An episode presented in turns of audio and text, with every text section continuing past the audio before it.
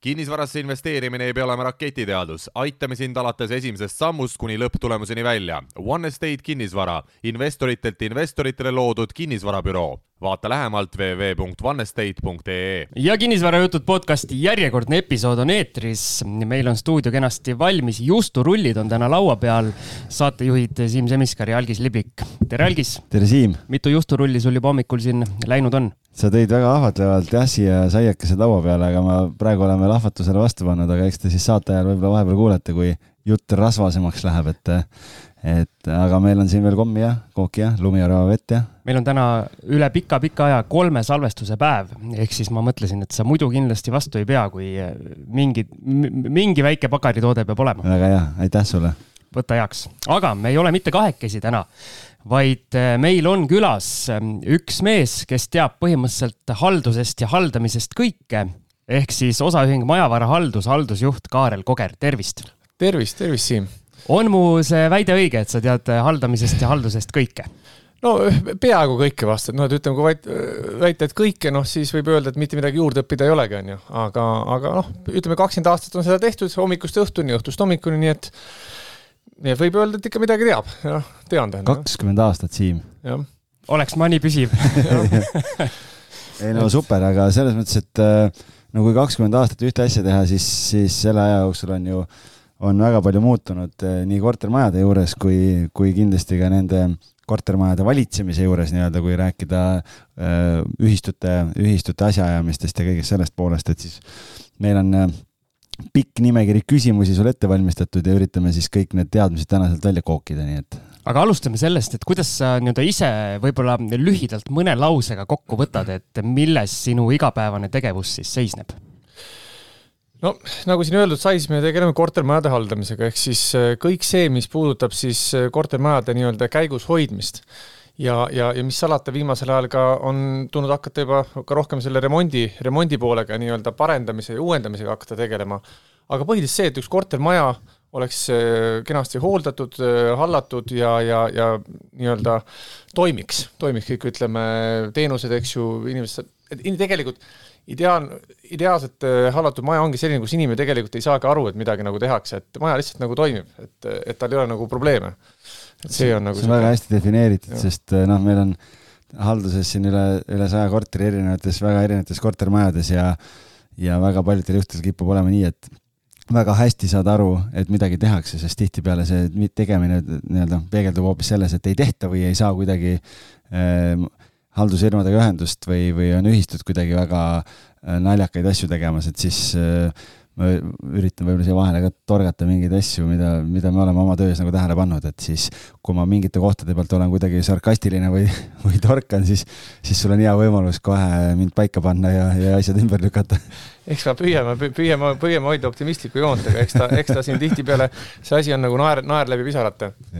aga algis seleta kuulajatele ära, sa ütlesid, et teil on halduses korterid, et mis vahe on teie halduses ja sellel haldusel, mida Kaarel oma firmaga pakub? jah, no meil on, meie pakume üürihaldust ehk et meie, meie nagu Kaarli liivakast üldse ei trügi, et meie kortermajade haldusega ei tegele, need on nagu täiesti erinevad, erinevad asjad, et meie meie tegeleme kõigega, mis puudutab korterite selle sees olevaid asju, ehk et kõik, mis puudutab üürniku elu või, või selle korteri nii-öelda heakorda Kaarel tegeleb siis ja nende ettevõte ja, ja kõik muud haldusettevõtted tegelevad sellega, et, et see kõik, mis korterist väljaspool on, oleks nagu korras ja, ja noh, teatud mõttes ka korteris sees, kui me tehnosüsteemidest asjadest räägime, aga aga et need on nagu jah, täiesti erinevad asjad ja, ja me kuidagi nagu ei, omavahel kattuvaid osi ei ole. meil on, meil on sümbioos, võib öelda, meil on sümbioos. just, just ma igaks juhuks tahtsin, et sa nii-öelda ära seletaksid, kuna see sõna haldus äh, tuli sul lausesse mitu korda sisse. kuna tegemist on siis kortermajade haldusega versus meil on siis üürikorterite haldus.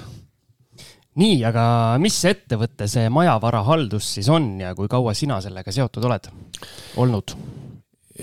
majavara haldus ja ütleme, meie siis majavara ka alustasime siis aastal kaks tuhat kolm, ehk siis nüüd võib öelda, et kakskümmend aastat on seda tehtud võib-olla isegi üle poole, üle poole oma elust olen sellega tegelenud, ma olen kolmekümne üheksa aastane veel, varsti on nelikümmend ja, ja meil on niisugune väiksemat sorti nagu haldusfirma, meil on kusagil seal ütleme neljakümne kliendi ringis, noh mõnele võib-olla kuulajale tundub see jube palju, samas siin eh, headel kolleegidel,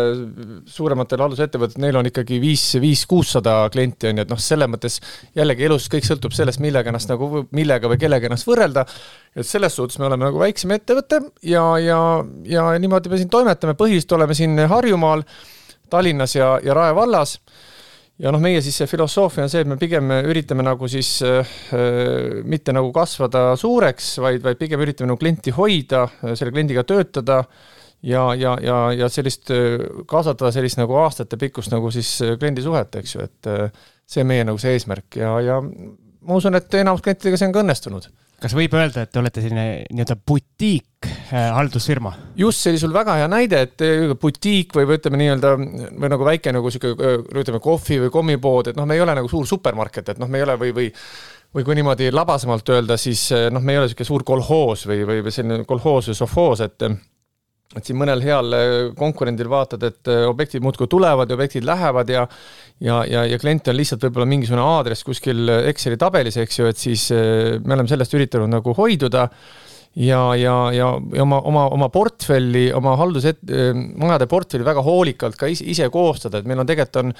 mõlemat pidi, et noh, klient valib nagu meid ja meie, meie nagu valib mingis mõttes ka klienti ja, ja, ja eks siin hinnaküsimisi asju tuleb pidevalt, aga, aga me pigem üritame siis äh, vaadata, kui mõni, ütleme, klient, klient tuleb meie jutule, potentsiaalne klient, ja ta sobituks kuidagi ka meie sellesse olemasolevasse portfelli, et meil õnnestuks ta nagu siis sinna sisse nagu harmoniseerida, sest vastasel juhul ei ole keegi nagu õnnelik, on ju, et, et selline lahendus jah, et kus kliendid tulevad, kliendid lähevad, et see eks aeg-ajalt ikka mõni klient nii-öelda liigub, eks ju, aga, aga pigem võiks öelda, et ma arvan, meil ikkagi üle üheksakümne protsendi klientidest kindlasti ikkagi need, kes meiega aastaid olnud ja, ja kõige vanemad kliendid on isegi meiega, võiks öelda, et esimesest äh, päevast alates olnud, siin kakskümmend aastat isegi, nii et äh, jah. Üks küsimus, mis ma tahtsin kindlasti ära küsida, ma küsin selle kohe praegu ära, et mul meel, meelest ei läheks, et ma investorina olen äh, nii-öelda tegev peamiselt siis ka Harjumaal, Tallinnast väljas, väiksemates kohtades ja seal on ka mul erinevate haldusfirmadega nii-öelda kokkupuuteid olnud. Ja mind natukene nii-öelda huvitab, et mingites kohtades valitseb nii-öelda üks, üks haldusfirma ühte asulat siis justkui mm -hmm. nagu valitseb mm. -hmm. et kas see on natuke selline nii-öelda maffiasõdade või gängisõdade värk ka, et kui sa oled näiteks ennast Keilasse sisse söönud, et siis keegi teine enam sinna minna ei saa, et lüüakse kohe nii-öelda jalaga tagumikku ja sealt välja. kui, pigem... kui tuleb, siis on kuri kõne peale kohe, et mis sa tuled siin meie. mustad limusiinid sõidavad ette pigem ma oleksin siinkohal optimistlikum, ma arvan, see on pigem puhas pragmaatilisus, kuna, kuna see halduse valdkond, ütleme tegelikult inimestele tundub, et haldustasud on jube suured, et noh, vähemalt ma võin, võin meie näite rääkida, meil need haldustasud ei ole nagu nii suured ja siin sa peadki olema hästi selline äh, hästi majadatud, ehk siis ilmselt kui seal ühes piirkonnas on mingisugune ettevõte, siis, siis tal on seal majanduslikult on nagu mõistlikum majandada, saab oma äh, kui ta saadab näiteks oma töömehe sinna piirkonda, siis see töömees saab teha ära veel mitu asja, selle asemel, et ütleme noh, kuhugi kaugemasse piirkonda töömees saata, sest ega tööaeg on ju sama, mis selle ütleme tulekuks ja minekuks sellel äh, töömehel kulub ja lihtsalt see teenuse lõpphind võib minna lihtsalt liiga kalliks. Ja ma arvan, et seal on tegelikult puht äh, praktilised äh, mm, kaalutlused, sellepärast et tänapäeval ei ole võimalik ühtegi klienti kinni hoida jõuga, et see noh, kui isegi mõni üritab, mõni, mõni, ma ei tea, mõni, mõni haldusettevõte üritab seda teha, siis see ei, see ei tööta kindlasti mitte mul ongi siit kohe küsimus, et mis see peamine nii-öelda aluskriteerium on, mida sa näed, mille alusel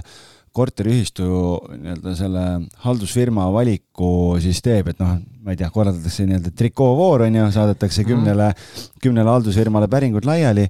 kas see hind on peamine kriteerium või mis see on, ma ei hakka siin nimesid nimetama, aga, aga noh, meil on nagu, ma, ma võin kindlalt mainida mõned haldusfirmad, kellest ma soovitan nagu pika kaarega mööda käia, sellepärast et nagu jumala eest, et kui see haldusfirma sinna majja valitakse, siis on teada,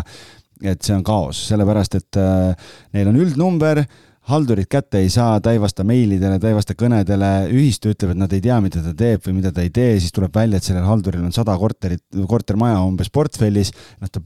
ta füüsiliselt ei jõua, ta ei jõua, ta füüsiliselt ei jõua ja see tegelikult vastab eks see nüüd äh, sõltubki väga paljuski nagu ühistust, eks ju, ja, ja, ja tihtipeale peab tunnistama tõesti, et äh, et on see hind on jah, on, on põhiargument ja see ongi see, millega nii-öelda rehaga vastu pead äh, saadaksegi, et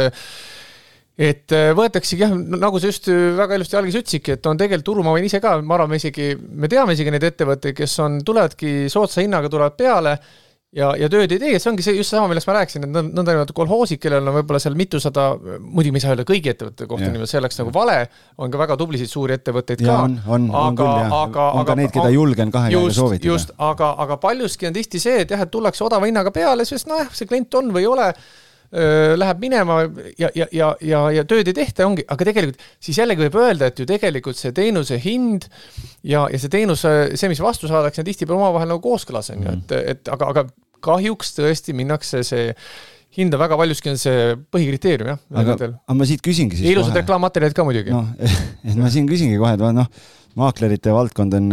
on täna suhteliselt selline reguleerimata, et igaüks võib ju alustada kinnisvaramaaklerina. kuidas haldusfirmadega on, et kas äh, seal on samamoodi, et kui Siim täna mõtleb, et Siim ja Koer OÜ mm. haldus. Siimu haldus. Siimu haldus OÜ ja hakkab nüüd kortermajadele haldusteenust pakkuma, endal väljaõpet ei ole, midagi ei tea, teha ei oska. ma löön Vaidas platsi puhtaks jah, et mm. kohalik, kohalik mogul seal, et siis on teil mingid standardid või nõuded ka paika pandud või see on samamoodi, et see on ikkagi vaba turumajandus ja igaüks võib tulla ja hakata tegema? Tegelikult meil on olemas küll, meil on katusorganisatsioon, on siis Eesti Kinnisvara Korrashoiu Liit, eks ju, seal on tegelikult väga tublid inimesed eesotsas, kes seda veavad. tervitused Jüri Grönströmile siin kohapeal ja, ja Heiki Linnule. aga, aga, aga meil sellist nagu ütleme, jah, ta on nagu hall ala, et ütleme niimoodi, et endast lugupidav haldusettevõte omab nii-öelda siis atesteeritud kinnisvarahaldur, või mitte omab, ütleme, ettevõttes töötab siis atesteeritud kinnisvarahaldur ja meil oma see kutsesüsteemid ja asjad. aga paraku see seadusandlus on selline, et, et, et jah, sellist nagu otsest nõuet, et sul peaks olema nüüd ütleme siis see paberitega haldur, seda ei ole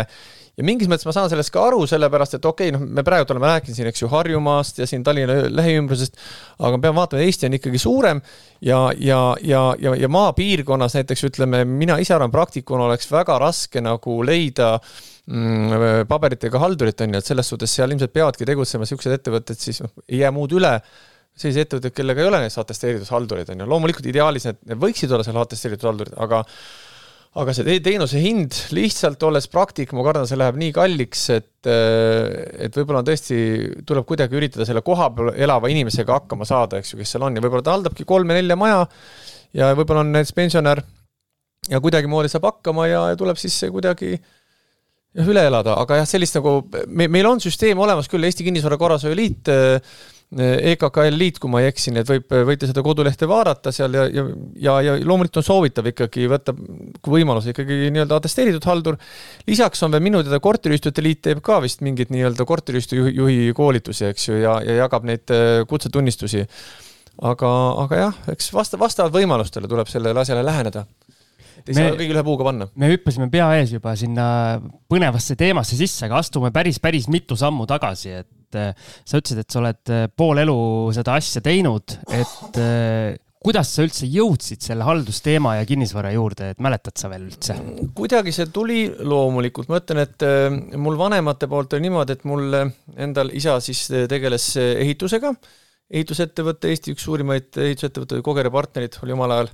sellega ja siis ühelt poolt nagu sealt tekkis võimalus, et noh, kortermajad kerkisid, eks ju, oleks vaja neid korras hoida ja teiselt poolt muidugi mul endal ema tegeles ühistu juhtimisega ja, ja siis mõtlesin, miks mitte proovida. algus oli väga raske, algus oli väga-väga raske, aga, aga jäime, jäime ellu ja, ja me tegelikult oligi, et, et kuigi meil alguse esimesed objektid tulid siis nii-öelda selle ehitusettevõtte kaudu, aga noh, me oleme alati defineerinud ennast sellena, et et me näiteks, meie lepingud olid selles mõttes olid ikkagi vabad, et kui ikkagi me ei esindanud mitte ennekõike selle ehitusettevõtte huve, vaid me, me oleme alati üritanud olla nii-öelda nagu erapooletud või nii-öelda koht, mitte üritanud olla, vaid me oleme ka sisuliselt olnud erapooletud, ehk siis kohtunikud seal vahepeal siis nii-öelda näiteks selle ehitaja, arendaja ja siis selle elaniku vahepeal, eks ju, et, et see on ka, on, on see, mis, mida inimesed on meie juures ilmselt ka nagu hinnanud. Ja see on ka see, miks meid ka nagu ellu, ellu ilmselt jäeti, on ju, sest tegelikult see valdkond on väga karm eh, nii-öelda no aga räägi, kui karm see valdkond on, et palju neid haldusettevõtteid siin Tallinnas või Harjumaal on, on sul mingi arv välja käia? ma arvan, need ikkagi, numbrid on siin ikkagi, ma arvan, kindlasti üle, ma arvan, üle saja neid kindlasti, et, et enne kui väikseid tegijaid on, on palju, aga noh, ise küsimus on see, mis sellest nagu inimene vastu saab, eks ju, ja, ja karm valdkond on, ütleme, rebimine väga tihe, rebimine väga-väga tihe ja, ja, ja niisugune ütleme, ütleme ka jah, niisugune küllaltki niisugune, ta on emotsionaalne, sul on nii-öelda ja kortermajade puhul raske on veel see, et tegelikult on sul ju, oletame noh, sul on kahekümne korteriga maja, siis sul tegelikult iga see korteriomanik on ju eraldi tellija, et ütleme, kui me räägime näiteks ärikinnisvarast, eks ju, siis ärikinnisvaras on sul üks suur hoone, sul on üks inimene, kes on sinu nii-öelda kontaktisik, eks ju, üldreeglina ta on kutseala professionaal, sa räägid kui kutseala professionaal kutseala professionaaliga ja asju on nagu palju lihtsam ajada aga kortermajas sul võib ükskõik, praktiliselt ükskõik mis kellaaeg võib sulle keegi helistada. Mati Mustamäelt. absoluutselt ja, ja sa pead tegelikult, sa pead suutma selles orienteeruda ja kui sa ei suuda orienteeruda selles, siis see üks inimene võib sul hiljem lihtsalt osutuda probleemiks, on ju, et ongi see, kes paneb sul nii-öelda dünamiidi alla ja kui ta nüüd kohtab näiteks äh, haldusturul mõnda niisugust ebaausat näiteks ettevõtjat, kes siis näeb selle olukorra ära, kasutab selle kuidagi ära, võibki vabalt tööst ilma jääda, et see selles suhtes äh, karm ja see on nagu metsik lääs mingis mõttes selle koha pealt, jah. aga kus äh, läheb see piir nii-öelda väikse ettevõtte ja juba suurema haldusfirma vahel, et kuhu sa ise selle seaksid? mina tõmbaksin ta kusagil, noh, ma ei kujuta ette, kas siis võib-olla mingi niisugune võib-olla siis äh, sada, sada klienti võib-olla tõmbaks saja kliendi juurde, tõmbaks selle piiri, on ju, et, et et kui on üle saja, siis on suur ikka? suur juba, siis on juba suur, jah, jah, jah aga ma tulen korra veel tagasi, enne sa rääkisid sellest, et noh, et Kogere partnerid ja kõik see pool, et äh, mis ma olen tähele pannud, on see, et äh, uus, ütleme mingi uus arendus, mingi elamurajoon hakkab kerkima mm. kuskile ja erinevatel arendajatel on siis erinevate haldusfirmadega nii-öelda selline koostöö, et noh, et mm. enam-vähem ma tean, kui Merko, Merko kuskil arendab, siis ma tean, mis ettevõte seal on, kui Invego, siis ma tean, mis seal on, on ju.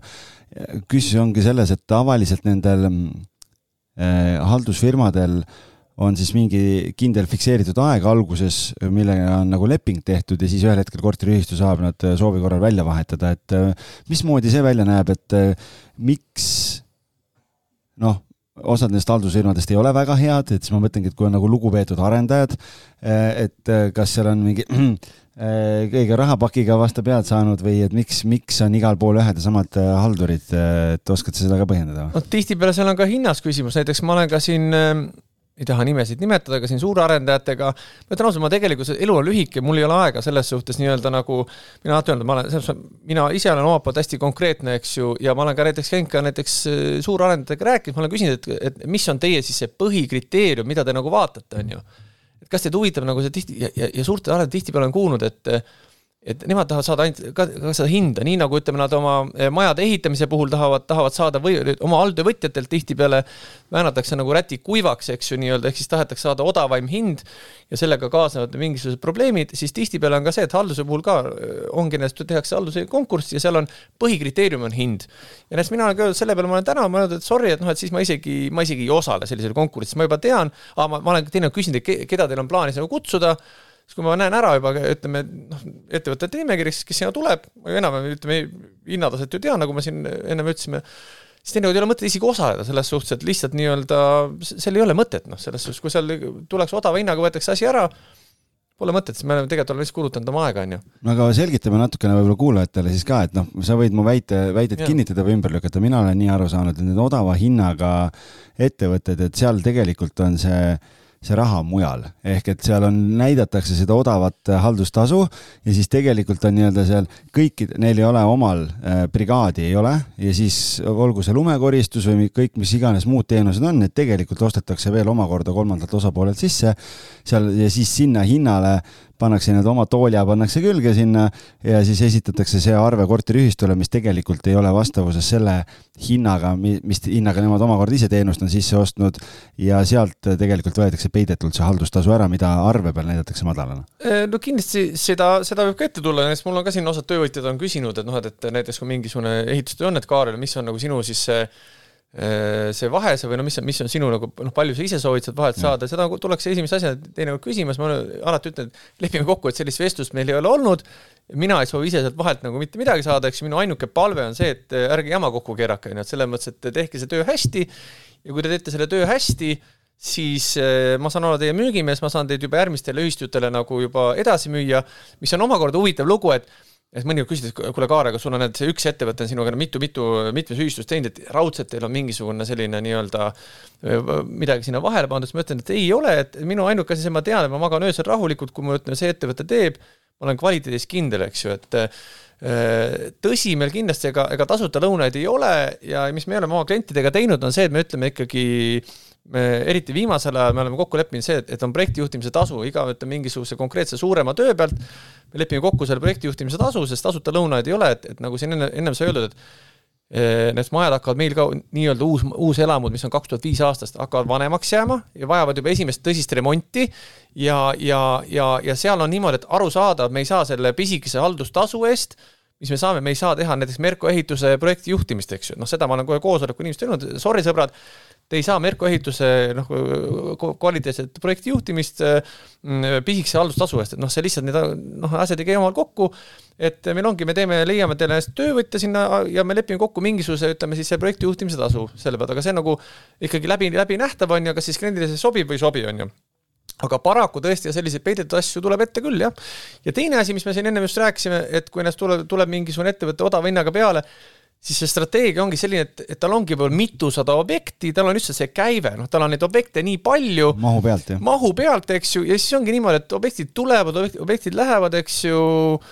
lõpp, keegi väga hästi ei saagi aru, mis nagu ettevõttes toimub, aga, aga raha liigub, eks ju, nii-öelda, et, et, et võib-olla näiteks ka selle pealt teenivad, eks ju, et tulebki odav hinnaga peale. Äkki see on strateegia, et võtan hästi palju objekte ja just. siis hoian pöialt, et midagi ei juhtuks. see on nagu sõel, vaata, et noh, raputad tuhk suhkurt läbi, et midagi ikka sinna sisse jääb, just, just ja see ongi, ma arvan, see, see on üks päris levinud strateegia, ma arvan, jah noh, selles mõttes selle projektijuhtimise tasust ma saan aru, ega meil on ja. samamoodi ju meie, meie ja. nagu core business ei ole ka korterite renoveerimine või, mm. või sisustamine, aga me klientidele seda teenust pakume. siis me alati ka põhjendame, ütlemegi, et selleks et kuna meil endal ehitusettevõtet ei ole, aga selleks, et kogu see projekt saaks veetud, seal on meie projektijuhtimise tasu on lihtsalt juures, sest see on mm -hmm. inimese aeg. absoluutselt. et see on seal juures, aga mitte see, et me võtame ja. ehituspakkumise, tuleb kaheksa tuhat ja siis me paneme, virutame kümne või kaheteist tuhandega edasi selle, et see ei ole, noh, seda ma mõtlen nagu, et, et. aga see, see, sa juhid kogu nagu seda nagu projekti, sa võtad need hinnapakkumised, eks ju, siis äh, sa jälg-, noh, ütleme see, et sa vaatad, et see saaks edukalt äh, lõpuni, sa ei võta mingit suvalistes kohtades hinnapakkumisi on ju, et, et sa oled nagu tegelikult ju kliendi esindaja ja see on aeg ja, ja, ja see on täiesti põhjendatud ja kui kliendile see ei sobi, noh, siis ei ole, siis tuleb kliendile ise teha, on ju, et äh, aga, aga tulemus ei pruugi olla hea. et alati see kokkuhoid ei ole selline noh, ütleme kuidas see, rumalate kohtade peal hoitakse nagu kokku. kuidas see ütlus oli, et me ei ole nii rikkad, et osta odavaid asju või? just, täpselt on ju, et osta odavaid asju või osta kaks korda, on ju, või osta kaks korda jah kui suur protsentu-, protsentuaalselt Eh, nendes piirkondades, kus sa tegeled, eh, on see, on see osakaal, et mis, millistel majadel on äh, haldusteenus ostetud ja millistes majades siis ühistu ajab ise oma asjad? ütleme nii, mina saan rääkida, ütleme siis nõndanimetatud sellist, pigem meil on nagu just, me oleme nagu keskendunud sellisele nõndanimetatud uuematele majadele, kaks tuhat üks ja hiljem ehitatud. Ja, ja selliste majade puhul ikkagi ütleme, mina ütleks üheksakümmend, ma ei tea, mis iganes seal, kaheksa protsenti ikkagi üldiselt ikkagi on ka sisse ostetud see haldusteenus, et ma isegi ütlen ausalt, ma väga isegi ei tea selliseid eh, just sellest kaks tuhat ja uuemaid maju, kus ütleme siis eh, ei oleks haldusettevõtet, eks ju, olgu ta see haldusettevõte hea või halb, aga ma ei tea, üldiselt ikkagi pigem on niimoodi, et äh, tihtipeale toimib see haldusettevõte koos selle korteriühistu juhatusega, eks ju. et need kaks asja koos toimivad. mõnel juhul on ka see haldusettevõte mm, äh, valitseja vormis, et ühistu juhatust ei olegi eks ju, ongi ainult see haldusettevõte, aga noh, sellist asja ma küll klientidele ei soovita, sellepärast et see on minu arust äh, mina isiklikult ei ole küll ühtegi sellist klienti võtnud, sest siis on see, et pole omanikepoolseid esindajaid, eks ju ja samas see haldusettevõte, noh, ma arvan, see valitseja vorm natuke meenutab niisugust nagu mulle kuidagi nagu nõukogudeaegne niisugune, nõukogude aeg tuleb meelde nagu majavalitsus, et, et, et, et see nagu minul isiklikult vähemalt ei meeldi ja soovitan pigem sellist, kus on haldusettevõte ja korteriühistu juhatus ja tegelikult, nagu ma ütlesin, et tasuta lõunaid ei ole, tegelikult oleks ka, kui, kui maja, muidugi väikse maja puhul ei kannata seda maksta, aga kui on ikkagi suurem maja, siis võiks ka nii, ütleme, selle haldusettevõttel võiks olla haldustasu ja, ja selle juhatuse liikmel võiks olla ka ikkagi mingisugune väike tasu, kas siis sümboolnegi juhatuse liikme tasu, sest ikkagi kõik need tegevused ikkagi võtavad ju aega ja seal on ka tegelikult on ka vastutus, eks ju, ja, ja, ja muidugi ka närvikulu, ma mõtlen, mina näiteks olen ka ise, ma olen kolmkümmend üheksa, ma olen juba, kui sa hingega saad asjad, ma olen ühe infarkti juba üle elanud, eks ju, selles suhtes juba siin kaks aastat tagasi, on ju et kui sa ikkagi mingi asja teed, see närvikulu on ka päris, see on see asi, et see, see ei ole see, et ma labidaga viskan kuskil mingit äh, mulda kuskil kraavis ja noh, ma olen õhtuks füüsiliselt väsinud, ei pruugi olla, aga, aga see närvipinge on tegelikult, ütleme, kortermajadega on ikkagi väga tõsine, tõsine, jah. Ei, selles mõttes, et äh, ilmselgelt noh, nagu sa ise enne ütlesid ka, et, äh, et põhimõtteliselt tegelikult minu meelest nii korteriühistu ähm, esimehe positsioon kui ka nii-öelda haldaja positsioon, mõlemad on sellised, noh, sorry, et ma nii ütlen, vabandust, onju, Siim paneb piiksu peale, aga sa oled nagu sita, sita varras, selles mõttes ja. nagu, nagu see on nagu, nagu kui me võrdleme piksevardaga, et sina saad selle pasa kõik enda peale, sest Just. kui kellelegi midagi ei sobi või, või meile midagi ei meeldi, siis sina oled see, kellele helistatakse ja nägu täis sõimatakse. üldiselt väga harva, kui sulle keegi, ütleme, on ka selliseid äh, üksikuid juhtumeid, kus keegi ütleb, et kuule, tead, see asi on hästi tehtud, aga pigem on sul see, et kui mingi asi on hästi tehtud, siis see ju nii pidigi olema see ju pidigi nii olema, kas, kas sai ka kuidagi teisiti või? et see on eestla, eestlastele väga omane, et Jaa. kui kõik on super hästi, siis on normaalne. no see pidigi nii olema, aga ma olen selle eest ju maksnud, onju, ma olen ju selle eest ju maksnud, onju. aga see, et teisi inimesi võib-olla ütleme, väga palju selle nimel vaeva näinud, eks ju, see nagu jääb nägemata, ühesõnaga see empaatia, aga see on üldse, ma arvan, see on tänapäeva viimase aja nagu probleem, et see empaatiavõime nii-öelda vähenemine, oskus panna ennast teise inimese kingadesse, see, aga noh, see juba läheb natuke teemast välja mul sa tegelikult enne korra mainisid seda, et noh, et teie ettevõttel on valdavalt nagu uuemad majad, aga, aga kui ma mõtlengi nagu vanemate majade peale või noh, võtame näiteks mingi, Tallinn on ju täis eh, kortermaju, kaheksa kuni kümme korterit, vanad puumajad, väiksed majad, et ja väljakutse. meil on haldus, haldus üks korter ühes Kadrioru sellises majas ja, ja kui ma sinna üürnikku otsisin, siis, siis äh, noh, ma käisin näitamas, vaatan trepikojad on mustad, kuidagi noh, näed, et nagu Tead, seal läks selle üürimisega päris palju aega ka, sest see oli kallim, kallim korter ja, ja, ja ma vaatasin, et seal ei muutu mitte midagi. et ja siis küsimus oligi, ma helistasin ühistu esimehele. algisid luua külalised rääkima? ei, oota, ma lihtsalt. ei, oota, ei, ma, ma kuulen, ma võtan kohe. mõte, mõte läheb lihtsalt muidu rändama helistan ühistu esimehele, ütlen, et noh, et, et kuidas siin majas nagu on, et kas koristusteenus on tellitud, ei ole, kas, miks haldusfirmat ei ole ja nii edasi. ta ütles, et nojah, et siin esimene, eelmine see ühistu esimees, et tema enam ei tahtnud asjadega tegeleda ja noh, et ma siis võtsin üle. aga mulle, noh, see oli vist mingi, ma ei tea, a la aprillikuu või midagi, ütles, aga mul enne septembrit ei ole aega tegeleda nende teemadega ja, ja see võib, see võib olla, see, see on karm. Ja mõtleme korra, Algis, ma täiesti, ma, ma, ma tulen kohe sinu näite juurde tagasi, aga, aga tegelikult ma olen kuulnud siin jällegi, ma ei taha aadressi nagu nimetada, aga, aga näiteks siin ütleme siis mm, Põhja-Tallinnas, eks ju, siis ütleme väga üldistatult, kus on ka, ütleme, tehakse, on popid, väiksed majad, eks ju, siin on ka niisuguseid uusarendusi, kus on, ütleme, kõige grotesksem näide oli see, kus oli, ütleme, seitsme korteriga maja, kus oli, ma ei tea, ruuduhind on võib-olla viis tuhat eurot on ruut, eks ju, uus maja ja, ja, ja, ja, ja ma kuulsin oma kolleegilt, haldurilt, ühelt teiselt haldusettevõttelt, kuidas siis nii-öelda sinna oli pandud haldusteenus peale, eks ju, seal oli koristaja asjad, aga kuna see maja nii väike, neid ruutmeetreid maksustatavat pindala on nii vähe, siis see kulu, jällegi, kui see koristaja tuleb sinna objektile, siis jällegi ega tema aeg, ega tema ei, ei, ei, tema ütleme, maja juurde tuleku aeg on ikka mingi, ütleme, pool tundi kuni tund aega. sealt äraminek on ikkagi pool tundi kuni tund aega, ehk siis tema ajakulu tihtipeale on selle väikse maja puhul sama, mis võib-olla ütleme seal kahekümne, kolmekümne korteriga maja puhul. ja nüüd tuleb see kulu lihtsalt jaotada niivõrd äh, vähese arvu korterite vahel ja see kulu tuleb siis ilmselt võib-olla mõne korteri puhul võib tulla isegi seal nelikümmend, viiskümmend, kuuskümmend eurot see koristuse kulu ja siis meil ongi inimene ostnud uude majja korteri ja ta saab selle kommunaali arve, eks ju, seal on mingi nelikümmend eurot on koristus ja, ja see vaene, mulle sellest haldurist oli, kolleegist oli täitsa kahju. ja see, ja ta peab raporteerima, mida täpselt mul eelmine kuu selle neljakümne euro eest nagu tehti, eks ju. täitsa lõpp, noh, jupp nööri, on ju ja, ja tegelikult lõpuks oligi nii, et haldur juba saadab pilte nii-öelda, näed, et mul need ennem, pärast olukorrad, eks ju, aga noh, selline olukord, et, et seal on ka see probleem, et väikeste majade puhul mm, keeruline jah, väga-väga keeruline leida sinna, kui, kui mul üldse koristajaid, ütleme nii-öelda inimesi on, mis iganes eluvaldkonnas on, täna on vähe, eks ju, ehitajaid, koristajaid, poemüüjaid, siis eriti hull on ka niisuguse väikse maja puhul, sa saad selle inimese sinna, aga ta tahab saada ikkagi mingit raha ja nüüd see raha lihtsalt jaotub nii väikeste korterite peal ära, et see ühiku kohta tuleb nii suur ja inimeste ootused on siis see, et ma maksin viiskümmend või nelikümmend eurot, aga nüüd ma tahan, et siin see super hästi kõik läigiks, on ju.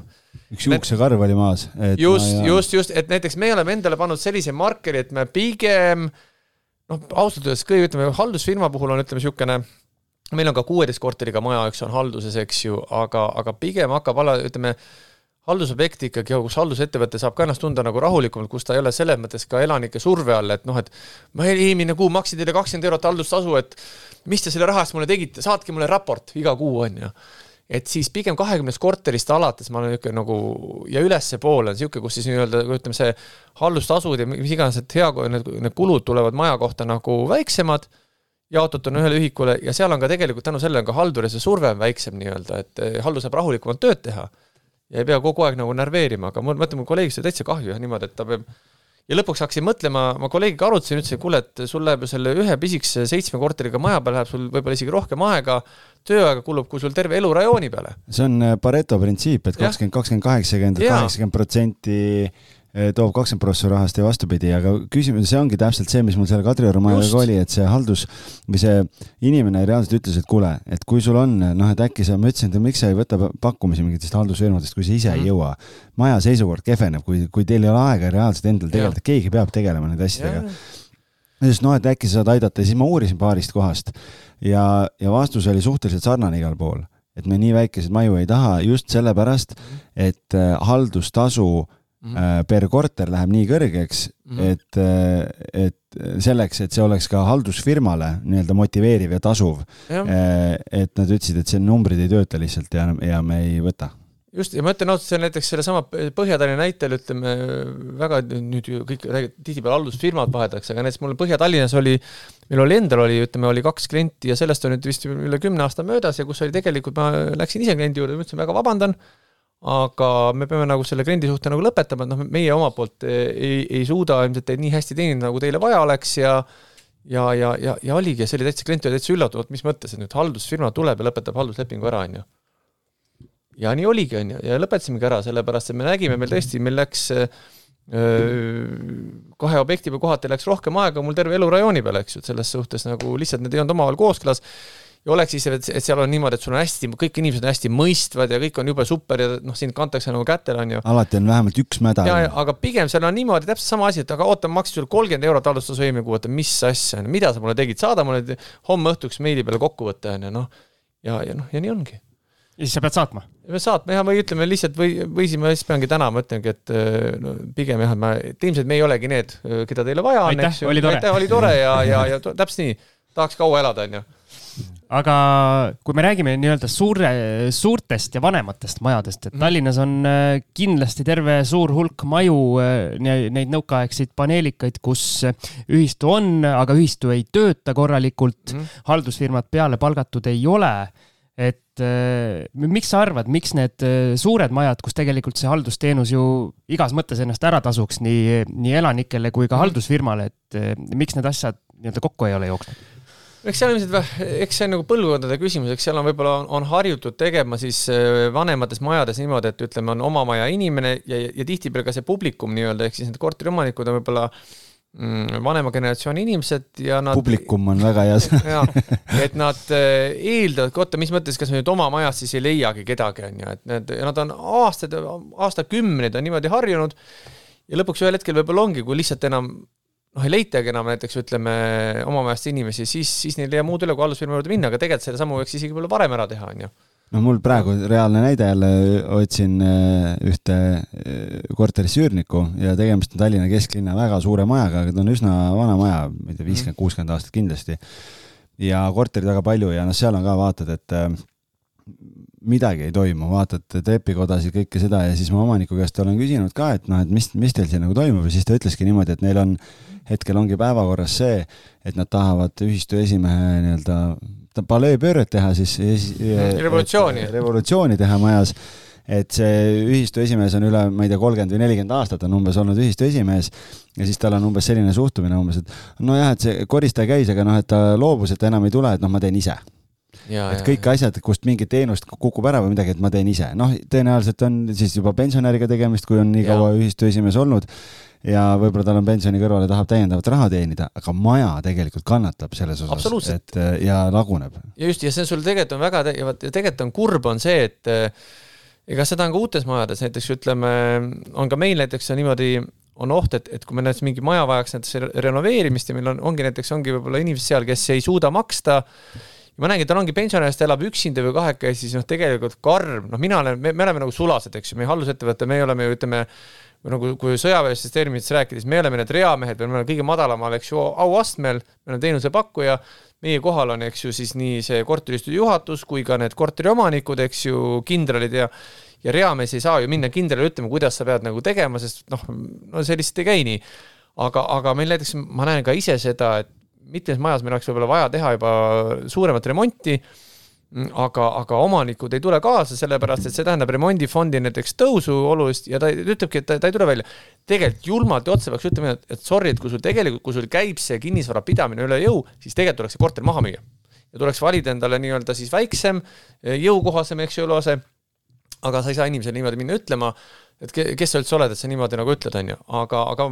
aga nii peaks olema. aga see üks või kaks inimest võib tegelikult pidurdada kogu maja renoveerimist ja, ja ühel hetkel võibki juhtuda niisugune olukord, kus kinnisvara hakkabki alla käima. kinnisvara väärtus hakkab äh, alla käima, eks ju. ja meil näiteks endal, jällegi ei taha detailideks minna, meil näiteks oli siin üks klient, äh, me ise loobusime kliendist, sest me nägimegi, et äh, me, mis oli täiesti kummaline, see, et me ühistu üldkoosolekul võitlesime selle eest, et tõsta remondifondi. Täiesti kummaline, ütleme, Sulane, no kui kujundlikult rääkida, Sulane võitleb selle eest, et peremehe maja saaks korda noh, ajuvaba on ju tegelikult, et noh, me ei ole ise kor-, ei ole seal omanikud ega midagi ja me võitleme, saaks aru, me võitleme oma selle haldustasu eest või selle eest, et seda nagu tõsta, on ju. ei, me võitleme selle jaoks, et remondifondi tõsta, kulutame oma närvirakke, on ju, tegelikult noh, jabur. Ja näiteks oligi üks klient oligi selline siin kesklinnas, kellega me lihtsalt, me leidsimegi, et meie teed lähevad lahku, kuna kuna me näeme, et maja laguneb, eh, majad lagunevad ja, ja samas jällegi Teile rohkem tööd? meil rohkem tööd ja kõige hullem on siis ju see, et kui meil on haldusfirma seal majas on olemas, see maja laguneb, näiteks seal on mingid läbijooksvad asjad, siis esimene asi, mis maja puhul küsitakse, kes teil haldur on?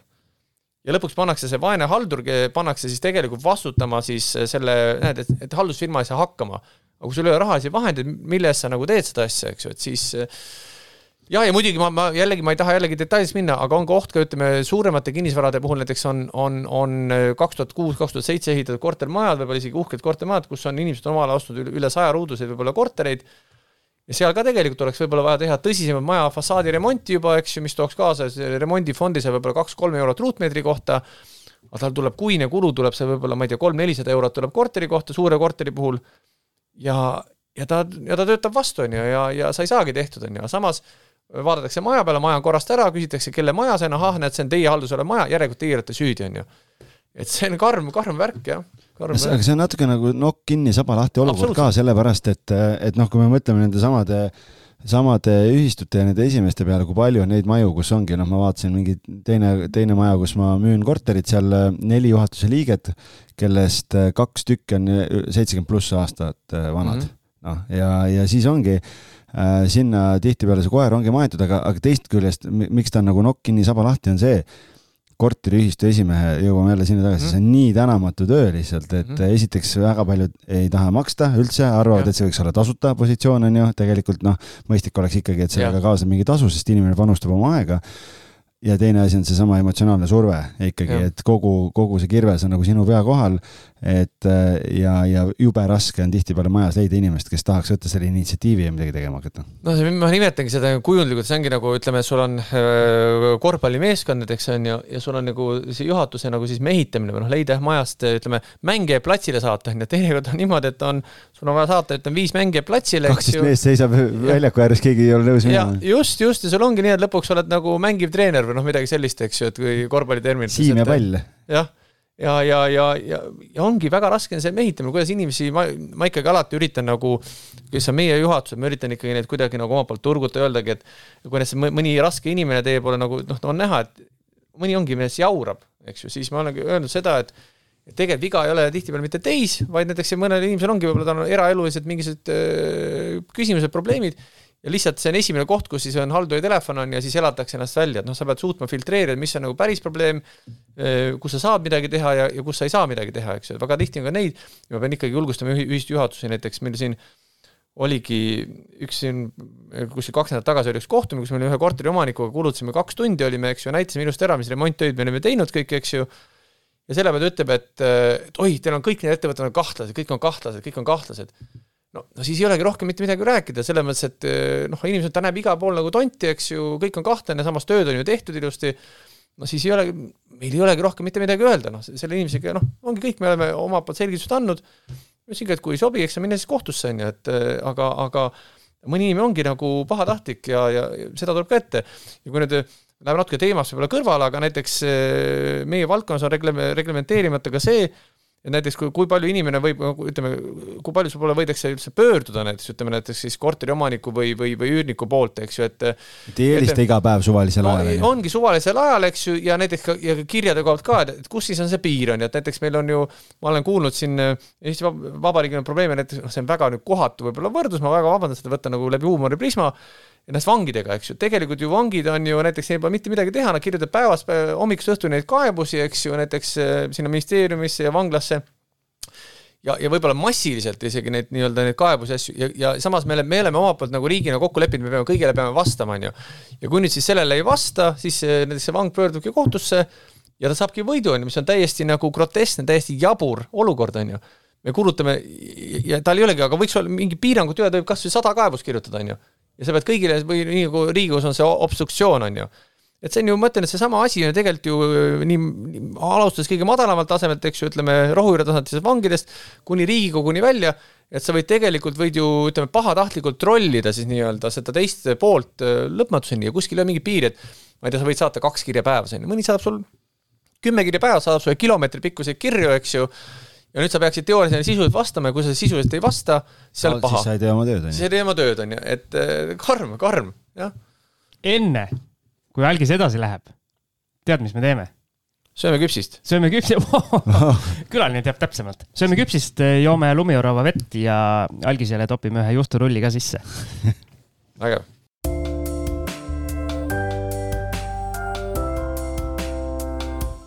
nii mina lõpetan veel ühte kommi, aga algisel oli küsimus.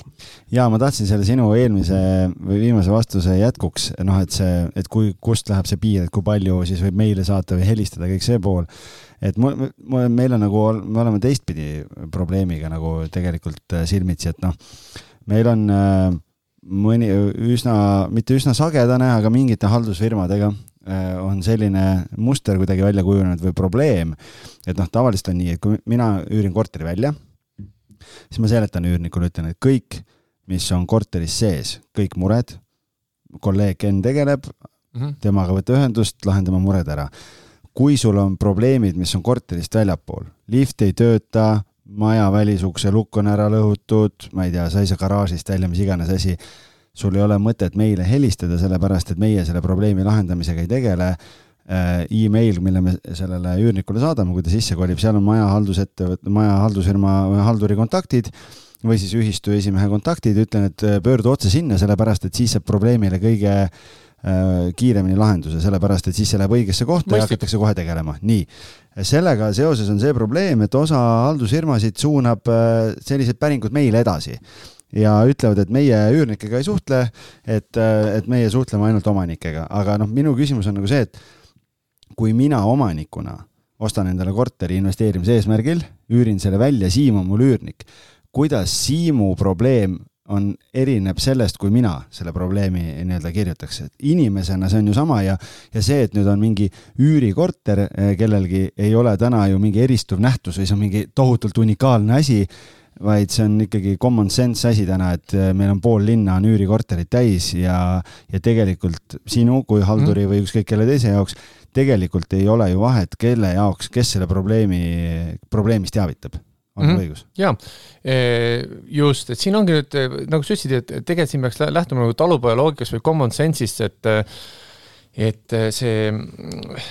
noh, mõte on siis selles ju, et jah, nagu sa ütlesidki, et kui tegelikult lambipirne läheb trepikohast läbi, on ju, siis sel-, seda ei peaks ju nagu teavitama, eks ju, siis korteri oma, mitte et üürnik annab omanikule teada, omanik annab, eks ju, haldusettevõte, see on, see on tegelikult nagu mõttetu bürokraatia, ma toon siia vahele ka ühe näite. võin ka konkreetselt ettevõttest, see on Bolt, eks ju, mis on meie Eesti oma ettevõte negatiivse näitena, on see, kus tegelikult klienditeenindus puudub, kus umbes sarnast asja nagu harrastatakse, et meil näiteks kortermajade juures praegu hästi aktuaalne on see, et Bolt on tekitanud mingisugused parkimis, eks ju, alad erakinnistule omavoliliselt ja siis, kui mina näiteks nüüd äh, siis selle kinnistu omanikuna või esindajana üritan näiteks siis äh, Boltiga saada ennast ühendust, et palun olge nii kenad, et võtke see, see ala sealt ära või vähemalt tulge, räägi, räägime vähemalt nagu läbi. et, et kas nüüd sellises ulatuses see parkimisala seal on või, või niimoodi, siis ma tegelikult, ma saan auto reply või vastuse saan sellise, et kõigepealt mina pean hakkama tõestama üldse, kes ma olen, eks ju. pean mingi, ma ei tea, mis iganes väljavõtted, nemad teevad asja ära ja, me, ja mina pean hakkama tõestama, jällegi noh, nagu täiesti ebaterve, eks ju. Ja, ja, ja, ja nagu ei olegi võimalik saada nagu probleemile lahendust siiamaani, on ju. Näiteks päris mitme objekti puhul on praegu on see aktuaalne teema, aga tulles tagasi nüüd algise näite juurde, siis siis tegelikult siin peaks olema ka common sense, et, et juriidiliselt võttes loomulikult on see, et et äh, haldusfirma võib öelda, et kuule, et aga kes see inimene on üldse, on ju, et see, kes minuga suhtleb, ma ju ei tea, on teil omavahel mingi üürisuhe või ei ole. võib-olla ta mingi suvaline inimene tänavalt, ütleme lihtsalt astus trepikotta sisse ja hakkab nüüd siin asju nagu korraldama, eks ju. noh, loomulikult see on nagu tõlgendamise küsimus, aga pigem siin võiks olla common sense, et kui sa ikkagi noh, kõlab usutavalt, et see inimene on selle äh, kortermaja elanik, eks ju siis ma ei hakka ju tekitama mingit äh, haldusettevõtte mingit metsikut bürokraatiat, et noh, nüüd mulle ilmtingimata minu poole peab pöörduma see omanik, on ju et selles majas trepikojas pirn on läbi, võtame teadmiseks, vahetame ära, on ju, et et see on ka tegelikult halb äh, halduspraktika sellisel juhul, halb halduspraktika, jah, kuigi ütleme, juriidiliselt võib see asi olla isegi korrektne, aga sisuliselt on ta nagu jama. Ja, ja eelmist teemat võib-olla kokku võttes, et äh, ka nende kirjade kohta ei ole mingit, äh, kirjade telefonikõned ei ole mingit limiiti paika pandud, aga jällegi võiks nagu lähtuda niisugusest keskmisest tavalisest inimesest, mis nagu tema jaoks võiks tunduda nagu mõistlik, on ju. ma arvan, tavalise inimese jaoks ei ole mõistlik kirjutada pidevalt mingi kilomeetri pikkuseid kirju, on ju, või, või, või või helistada kümme korda päevas, on ju, kui noh, noh mingisugune noh, lihtne asi või et noh, et, et, et tuleks lähtuda sellest tavalisest keskmisest inimesest, see võiks olla nagu see tõlgendamise küsimus. ja mis meil Eestis on üldse, ma tunnen, et, et asi nagu kisub natuke metsa poole, ka, ka riigi tasandilt on see, me kipume asju nagu üle reguleerima me kipume üle reguleerima, et näiteks äh, kortermajade puhul, mis on näiteks on probleem, on see, et me jube palju nagu nüüd viimasel ajal aina rohkem paneme ühistutele, paneme nagu vastutust, äh, kaasomanikele paneme vastutust juurde näite-, aga aga tore, need, mis on minu arust kõige grot-, üks, üks groteskne näide äh, ühes rajoonis on niimoodi, et meil on katuseterrassides inimesele, noh, ütleme kortermaja katus, lame katus on antud viimase korruse korterile näiteks kasutada siis individuaalse terrassina, eks ju, nii ja nüüd on mingid juristid on näiteks, mitte mingid juristid, vaid ka siin on lugupeetud juristid on jõudnud järeldusele, et see katuseterrass, kui nüüd ühistu tahab minna seda näiteks äh, katust remontima, mis on selle terrassi all, siis ühistu peaks maksma kinni selle nii-öelda puidust selle terrassi inimese ainukasutuses oleva terrassi ülesvõtmise ja see noh, ja kui see terrass läheb selle tegevuse käigus läheb katki, siis ühistu peaks selle kinni maksma, noh, kõik see on väga tore mõte, aga kustkohast tuleb see raha nagu, et seda asja teha, me võiksime ühistuga kõiksugu asju teha, võiksime aga, aga, aga raha ju ei ole, on ju, kaasomanikel tegelikult seda raha ju ei ole, ei ole kuskil nagu tulemas, et et tegelikult me, me kipume asju nagu üle reguleerima, me kipume nagu inimestelt endilt võtma nagu vastutust ära ja nagu andma nagu seda kuidagi hägustama, me anname selle, et küll ühistu tegeleb, küll ühistu tegeleb, eks ju, et et, et selles suhtes on nagu kurvad, kurvad arengud jah, et ühistu ongi need inimesed ise ju no tihtipeale jaa, aga vaata sellega mõeldakse, et see ühistus on nagu inimesel niisugune nagu nõukogude ajal maja, majavalitsus, et see nagu otseselt inimesed nagu ei, ei, ei suhestunud sellega, et selle ühistuga, noh, mulle öeldakse ka teinekord, ma ei tea, et korteris sees on mingid torud on katki, et kas ühistu nüüd selline asju nagu korda ei tee, ma ütlen, kullakesed, muidugi ühistu võiks seda teha korda. Et eh, see on küll nagu teie ainuvastutus piirkonnas, ütleme veemõõtjast alates, eks ju, kuni korteri poole on korteri ainukasutuses olevad torud, see on teie, teie nagu vastutus, muidugi ühistu võiks selle korda teha, kust kohast tuleb see raha seda, et seda teha. seda raha, seda remondiraha ju tegelikult ei ole ja, ja seda, no see tuleb niimoodi, teinekord on nagu nagu hammaste väljatõmbamine, tead, kuskilt mingeid muid teid pidi, eks ju, et, et et väga-väga raskelt tuleb. Ja jällegi siin tekib, mõtle, mul on haldurina tekkinud mitu korda nagu küsimus, et oot, mis mõttes, et et mis mõttes, et miks mina sulasena pean oma närvirakke kulutama ja võitlema selle jaoks, et peremehe maja nagu säiliks, on ju, täiesti jabur tegelikult. aga me ikkagi jätkuvame, jookseb peaga vastu seina me ikka üritame seda teha, pole veel alla andnud. mul on sulle ettepanek, kuidas äh, tüütutest kõnedest äh, lahti saada. pane endale nii-öelda kõneminuti hind ja mitte keegi ei helista sulle enam äh, lollide, lollide kõnedega. see on päris huvitav ettepanek, kui sa niisugust varem, varem pole teinud, täitsa, täitsa huvitav ettepanek jah, et või näiteks paned, ütleme peale tööaega näiteks panedki, ütleme avariitelefonil ongi, et sa paned mingisuguse jah, jah, jah, jah, sellega muidugi karistad ka muidugi toredaid inimesi on ju, keda ei tahaks nagu karistada, aga, aga mõte on no, täitsa huvitav mõte. või siis, äh, või siis alates mingist minutist on. ja mingist minutist, see ongi jah, just, et mingist minutist on ju jah. et ja. mingi tüüp ei hoia sind lihtsalt lollilt. ma mäletan sellega seoses, kui ma viisin oma arvuti kunagi parandusse, ma ei mäleta, arvutimeistrid või mingi sihuke firma oli ja siis seal oli hinnakiri leti peal umbes, et ma ei tea, rumal küsimus on viiskümmend eurot. Äh, üle õla vaatamine. et, et ma, ma seisan teil kõrval, kui te tööd teete, on sada kakskümmend viis eurot mingi noh, et mingid tasud. väga mõistlik. lisatasud olid. väga mõistlik sihuke nagu läbi huumoriprisma sihuke suunamine. et see oli päris, päris hästi tehtud, et aga räägime siis sellest kuulsast nii-öelda teenustasust ka, et kuidas haldusfirma üks teenustasu äh, tariif kujuneb ja mida see kõik sisaldab? see kõik on tegelikult väga objektipõhine, ma ütleks, näiteks meil on ka selline nähtum-, mitmed äh, kolleegid teevad niimoodi, et tuleb mingi meil sisse, siis vaatavad, ahah, need tunnetuslikud teevad siis selle hinnapakkumise ära, aga see on, mina olen ka alati öelnud, et ma nagu objekt, objektipõhiselt kujuneb see ikkagi hind, et ma ikkagi sooviksin kindlasti ka oma silmaga seda objekti näha ja käega nii-öelda, kui vaja, siis ka käega katsuda, et saada see tunnetus kätte, millega üldse tegemist on, sest üks on see, mis on nii-öelda võib-olla seal meilis on jutt, et oh, mingi väike kahekümne korteriga maja, niisugune hullu pole midagi, on ju, lähed koha peale, tegelikult võib-olla see peab hakkama, peab, peab hakkama püsti hoidma, jah? püsti hoidma maja, on ju, et kõik on tegelikult jumala läbi, on ju, et see tegelikult, äh, see kui keegi täitsa... näeb Kaarlit maja kallistama, siis ta tegelikult hoiab püsti. hoiab püsti maja, on ju, täpselt. üheksast viieni hommikul. just, just, ja siis, ja siis just, just, just et pigem see tuleb objektipõhiselt, aga on ka selliseid kolleege mul, meil, kes, kes panevad nii-öelda lihtsalt mingi üldhinnakirja alusel, aga see on niisugune libe tee, sest sellega äh, sa võid emmale-kummale osapoolele, kas siis, kas siis ütleme siis kliendile liiga teha, eks ju, või siis endale, eks ju, haldusettevõttena, et ikkagi mina soovitaks ikkagi ja need, kes teevad paberi pealt nii-öelda hindu lihtsalt võib-olla pigem neid esimese eelistusena mitte kasutada võib-olla siis jah, ütleme niimoodi. aga ma saan aru, see hinnastamine on ikkagi üsna selline loominguline protsess, et üks firma võib teha hinna X ja teine võib teha võib-olla kaks korda odavama või kaks korda kallima. ja, ja, ja ma ütlen, see sõltub äristrateegiast on ju, nagu siin ongi, ma enne, ennist just ütlesin, et et siin, kui mõnel ongi siin, strateegia ongi selline, et tal on nagu mahu peale üles ehitatud, see, et tal ongi seal, ma ei tea, võib-olla viis-kuussada objekti, siis ta saabki selle ühikhinna saab hästi alla lasta, saab sellega, võtab, võtab odavalt tööd sisse, eks ju, mingis mõttes nagu tapab turgu sellega ja lõpuks see on niisugune klassikaline niisugune minul alati meeldib, meeldib, meeldib niisugune ütlus, et teha nagu äri Ameerika moodi win-win, eks ju, aga, aga meil Eestis on väga tihti on kombeks teha nagu lose-lose olukordi, et eh, kõik kaotavad ja kõigil on halb. ja kõik sõimavad pärast kõiki. kõik sõimavad, just, just, kõik, kõik, kõik on kõiges süüdi, et on tegelikult on kliendil on halb, haldusettevõttel on halb, niisugune noh, ma olen ise üritanud niisuguseid nagu lose-lose olukordi vältida, kui vähekenegi võimalik, jah sa oled hästi palju sellisest nii-öelda bürokraatiast ja asjast rääkinud, aga ütle ausalt välja, kumma peale sul igapäevaselt töös rohkem aega kulub, kas selliste nii-öelda olmeliste ja tehniliste probleemide lahendamisele, nii-öelda lõhkenud torud ja mis iganes ventilatsiooniprobleemid või siis just see hullude, hulludele kirjadele vastamisele, nii-öelda lollide telefonikõnede vastuvõtmisele ja kõigele sellele? See vist on nagu Ameerika mägedes, et äh, kord nii, kord naa, et, et vahepeal on nagu, läheb selle nii-öelda, ütleme siis selle, selle müraga või siis nii-öelda selle müra peale läheb päris palju auru, ütleme just noh, sellise võib-olla jah, ütleme siis, äh, kuidas viisakalt nüüd öeldagi, et, et, et, et läheb, läheb jah, selliste, läheb ka selliste ja võib-olla mitte kõige... raske küsimus, jah. ja raske küsimus, läheb ka selliste asjade peale, ütleme, mis, mis võib-olla tunduvad nagu, ei tundu mõistlikud, eks ju, et läheb ka selle peale palju aega. samas on ka võib-olla mõnikord on niisuguseid olukordi, kus, kus on näiteks on mingi avariirohke periood, näiteks a la kui on mingid suured lumesajud, siis on ju, läheb väga palju, läheb aega igasuguste lumeuputuste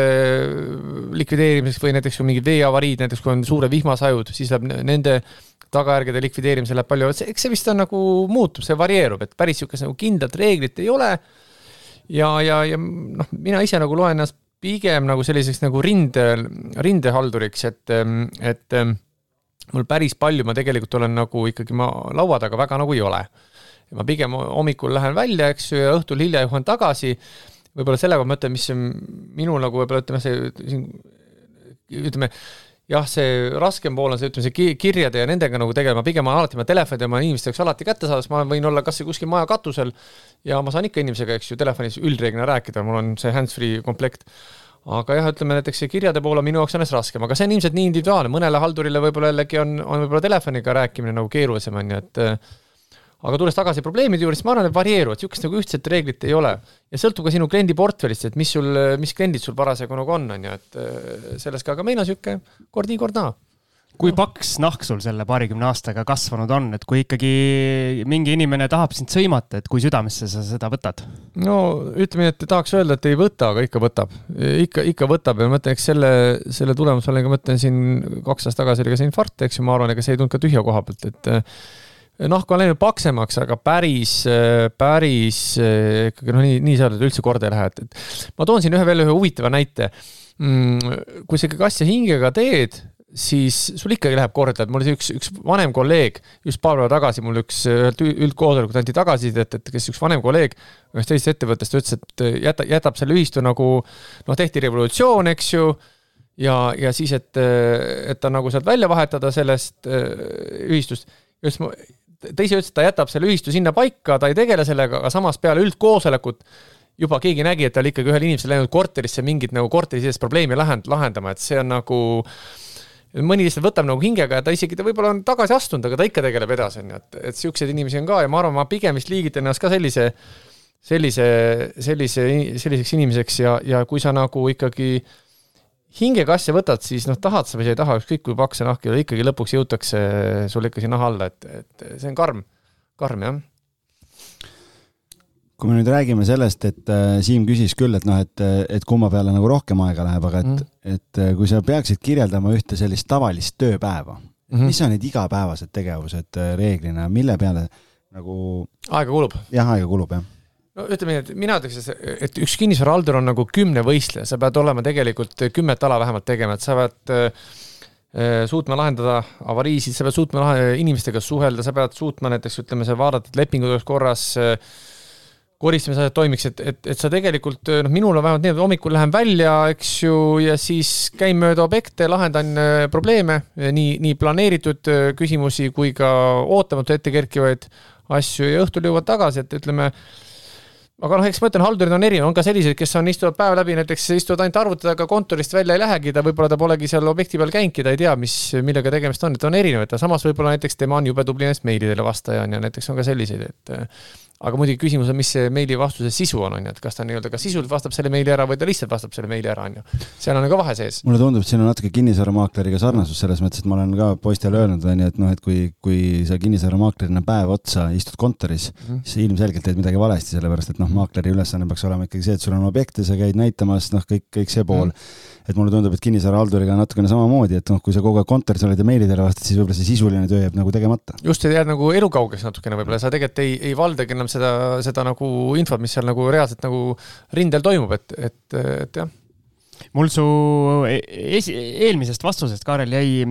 jäi see lumesaju teema kuidagi kripeldama ja siis ma tahtsin küsida, et kui nüüd on, viimane talv oli ka päris palju lund meil, sadas päris tihti, et kui ruttu tõttu sa pärast esimese lumehelbe langemist kõne saad, et nüüd oleks ikkagi vaja juba ammu see tee puhtaks lükata, et mida te veel passite? ja tuleb selliseid kõnesid ka, kui nüüd niimoodi luulerina olla, onju, et siis, kui on palju lund, siis on kinnisvarahalduril vähe und, eks ju ma korra torkan siia vahele, et siis. lumi sajab ikkagi pigem öösel, ma saan aru. et, et, et sama vastus nagu Tallinna linnal, et me oleme valmis. me olime valmis aga... me olime valmis, aga ei saanud lükatud. aga ei saanud lükatud, et aga, aga siin on see lumega sihuke pull lugu, et tegelikult sa pead olema natuke nagu, ma ei tea, kas see on õige näide, aga sa pead nagu börsi sihuke päevakaupleja või noh, sa pead suutma nagu tegelikult öö, prognoosida, tunnetada, onju analüüsida, et näiteks mul on ka ju niimoodi, et kui ma näiteks lumekoristamist, ütleme, ma olen veel see, ma ise korraldan veel noh, oma ettevõttes lumekoristust ja me, kui me tellime, siis ma tegelikult, ma pean, ma pean tunnetama ette, sest ega, ega see tehnika ei ole niimoodi, et kui ma nüüd ütlen, et näed, et nüüd on, lumi tuli maha, viie minuti pärast tehnika välja saata, siis pigem, pigem ma tavaliselt eelmisel õhtul juba nii-öelda sest pigem kui, kui ju lund sajab, siis on kõigil järsku seda tehnikat just, absoluutselt ongi ja, ja, ja, ja, ja, ja arusaadav ka ütleme lumekoristusettevõtetel, neil on ka tegelikult on ju prioriteetide küsimus, et üldiselt ikkagi tihti, esimesel, mitte tihti, vaid esimesel tehakse ära need, kes on kuutasulised kliendid, kes maksavad, ütleme kaubanduskeskuses, kes maksavad seal võib-olla ma ei tea, neli-viis, kümme tuhat eurot kuus, eks ju, selle platsi eest ja neil on need, nemad tehakse alati kõige esimesena ära, nii kui lumi tuleb, nad ise jälgivad, teevad, siis tuleb, on mingi pool niisugused hübriidvariandid, kus sa maksad kuutasu ja tunnitasu, eks ju, aga mina veel siiamaani olen niisugune vana indiaanlane, et ma olen suutnud veel püsida selle tun-, tunnitasulise nii-öelda selle lumekoristuse peal ja ma nüüd üritan nüüd nii-öelda siis selle päevakaupleja, ma üritan nagu siis eh, heas mõttes nagu lüüa siis neid kuutasulisi, neid kliente. ma juba ennustan ette ära, et kui see lumi hakkab tulema, siis ma tegelikult tellin juba hommikuks juba selle tehnika juba ette ära nii et ta teeb minu objekti ära ja siis ta läheb selle kuutasulise objekti peale, on ju, et et kuigi seal on omad riskid, mõnikord on niimoodi, võib-olla see lund ei tule nii palju ja siis noh, muidugi nukker ja kurb on siis see, kus sa ütleme tagasisidet, et maja pealt, et oi, meil tuli ainult kolm sentimeetrit tuli lund, on ju, sellepärast saatsite suure traktori nagu välja, on ju, et noh, jah, et ma ütlen, aga kulla sõbrad, et aga, aga praegu. kui oleks kolmkümmend tulnud, siis. jaa, siis ei oleks ju probleemi, on ju, ja samas, et teil tuli see traktor välja, te tegite tunnitasu alusel selle töö ära, ütleme, kas teile meeldiks maksta, ütleme seal võib-olla kolm-neli tuhat eurot kuus, on ju, sõltumata sellest, kas lund tuleb või ei tule. ja mis tegelikult oleks ka õiglane, sellepärast et ega kui vaadata nüüd selle lumekoristusettevõtte seisukohast, siis temal on ju ka tegelikult on inimesed on vaja üleval pidada, eks ju, tehnika, liisingud maksta, kütused, asjad ja, ja ütleme noh, meil endal on ka näiteks üks lumetraktor on Jüris, eks ju, millega me kaugemale, noh, Jüri piirkonna jaoks on meil enda traktor. minu piirkond, väga hea, õige, seal et, peabki traktor hoidma. et, et ja meil on niimoodi, et. Siim sõidab ka traktoriga muidu. ja, ja, ja, ja meil on niisugune lugu, et me näiteks, me oleme mõni aasta on no, niimoodi, et me paneme näiteks, kui on vähe lund, me paneme ta võib-olla ainult kogu hooaja jooksul kaks korda paneme tööle, on ju. siis hakkad nagu mõtlema, aga, aga inimeste, aga see inimene, kes sinna rooli taha istub, on ju see masin ise, eks ju, see kõik ju maksab, on ju. jube hea saa... töö, kui sa pead aastas ja. kaks päeva tulema tööle. aga, aga, aga see kõik ju on ju kulu, on ju. kes kuidas... lükkab, on ju, et kui sa kaks korda aast-, äh, talve jooksul on tööd pakkuda, siis ta ütleb, et sorry, ma ei tule. Sorry, ma ei, sa pead olema tegelikult ka jõululauas, sa pead olema valmis, eks ju, hüppama ja, ja minema lund, lund lükkama, kui on suured purgad, ütleme jah, sihuke päris ja mina nimetan seda jah, ütleme, mina siiamaani tegelen siukse päevakauplemisega, üldjuhul õnnestub, on ju, mõni mõnel üksikul juhul ei õnnestu, aga noh, ütleme siis ongi, et võib-olla klient, enamus kliente on ikkagi aru saanud ja nad näevad seda suurt pilti ja nad hindavad seda, et nad maksavad, ütleme, selle lumekoristusest oluliselt vähem, kui nad tegelikult äh, muidu võiksid maksta, on ju. kas sa äärmises hädas siis võtad ise selle traktori või, või labida no, kätte? on ka, on ka seda ette tulnud, jah on ka seda ette tulnud, aga, aga pigem üritaks seda mitte teha, sest ma lihtsalt ei muidu. siis ei saa meilile vastata. ei saa meilile vastata, siis ei, siis ei pea nagu üldse, üldse nagu vasta, on ju. kas sa oled pidanud mõne aastavahetuse vahele ka jätma, sellepärast et kuskil äh, miskit toimub? Eks äh, jah, on olnud jõule ja aastavahetusega selliseid huvitavaid ka, aga õnneks mitte liiga palju. Õnneks mitte liiga palju, et äh, telefoni aku saab tühjaks alati selle peale, kogemata kuidagi. ja, ja, aga ei, ma isegi, ma üritan ikkagi, meil on ikka see, et ma alati üritanud ikkagi, et noh, et telefonil saab igal juhul ikkagi meid kätte, kui avarii on, et siis ikkagi seda me oleme ikkagi väga vapralt hoidnud siiamaani kakskümmend aastat, et me ikkagi kas siis minu või kolleegiga saab ikkagi ühendust, meil on niisugune väike ette, meil on rist, ristkatmine nii-öelda, et kui üks ei saa vastata, vastab teine, on ju sa ütlesid, et eh, nii-öelda teie portfellis on pigem siis eh, uuemad majad, aga mis on põhimõttelised erinevused nii-öelda nõukaaegsel kortermajal ja siis eh, nii-öelda Eesti ajal ehitatud, uuel Eesti ajal ehitatud kortermajal just haldamise vaatest? noh, ütleme niimoodi, et et võib-olla uuemas majas on siis rohkem üks tehnosüsteem ja nad on nagu omavahel sarnased, et halduse üks põhimõte, ka portfelli ülesehitamise põhimõte on ka see, et me pigem üritame sarnaseid objekte nii-öelda nagu leida, et me ei, noh, inimene tegelikult ei suuda, noh, minu väide on see, et inimene ei suuda päeva jooksul väga palju erinevaid kordi nagu ümber, ümber nii-öelda nagu siis äh, mõtlemise nagu lülituda, et, et näiteks meil ongi noh, siiamaani meil enamus objekte näiteks on äh, mingite teatud tingimustele nagu vastavad, et siis me suudame, no meil on, meil on kohe pakkuda sinna koostööpartnereid mingeid probleeme lahendama, eks ju. et sa ei pea nagu uuesti jalgratast leiutama. jalgratast leiutama, et, et näiteks äh, meil äh, noh, ma toon näiteks, kui sul on viilkatusega, viilkatusega maja, eks ju, plekal, siis sul peab jällegi, sa pead leidma mingid õiged töömehed, kes seda katust nagu parandavad, on ju, aga, aga noh, meil näiteks enamus, enamus maju näiteks on lamekatusega, eks ju, noh, et, et meil on ja ikkagi sa pead standardiseerima, sa pead ikkagi, ideaalis sa võiksid nagu ikkagi haldusettevõttena üritada siis ikkagi äh, noh, mingit, mingit tüüpi maju nagu teha, et siis on nagu lihtsam nii kliendil kui, kui endal. meil on ka muidugi, on ka mõned üksikud kliendid, kes, keda me nii-öelda enese tera, teravana hoidmiseks ikkagi olen võtnud. Ka, meil on ka üks, üks vanem maja, eks, mis on üheksakümnendatel ehitatud, üks uh, uue maja korteriühistu esimees nagu väga palus, ütles Kaarel, näed, et see on mul ema maja, et ole ja võta see ka nagu enda haldusesse, on ju, siis me noh, nagu alguses nagu väga vaimustuses sellest ei olnud, aga tegelikult nüüd on päris kihvt, et see nagu natuke rikastab seda pilti, on ju, et äh, oleme seda paar aastat teinud ja sa ütlesid, et teie olete telefonitsi väga nii-öelda kättesaadavad, äh, aga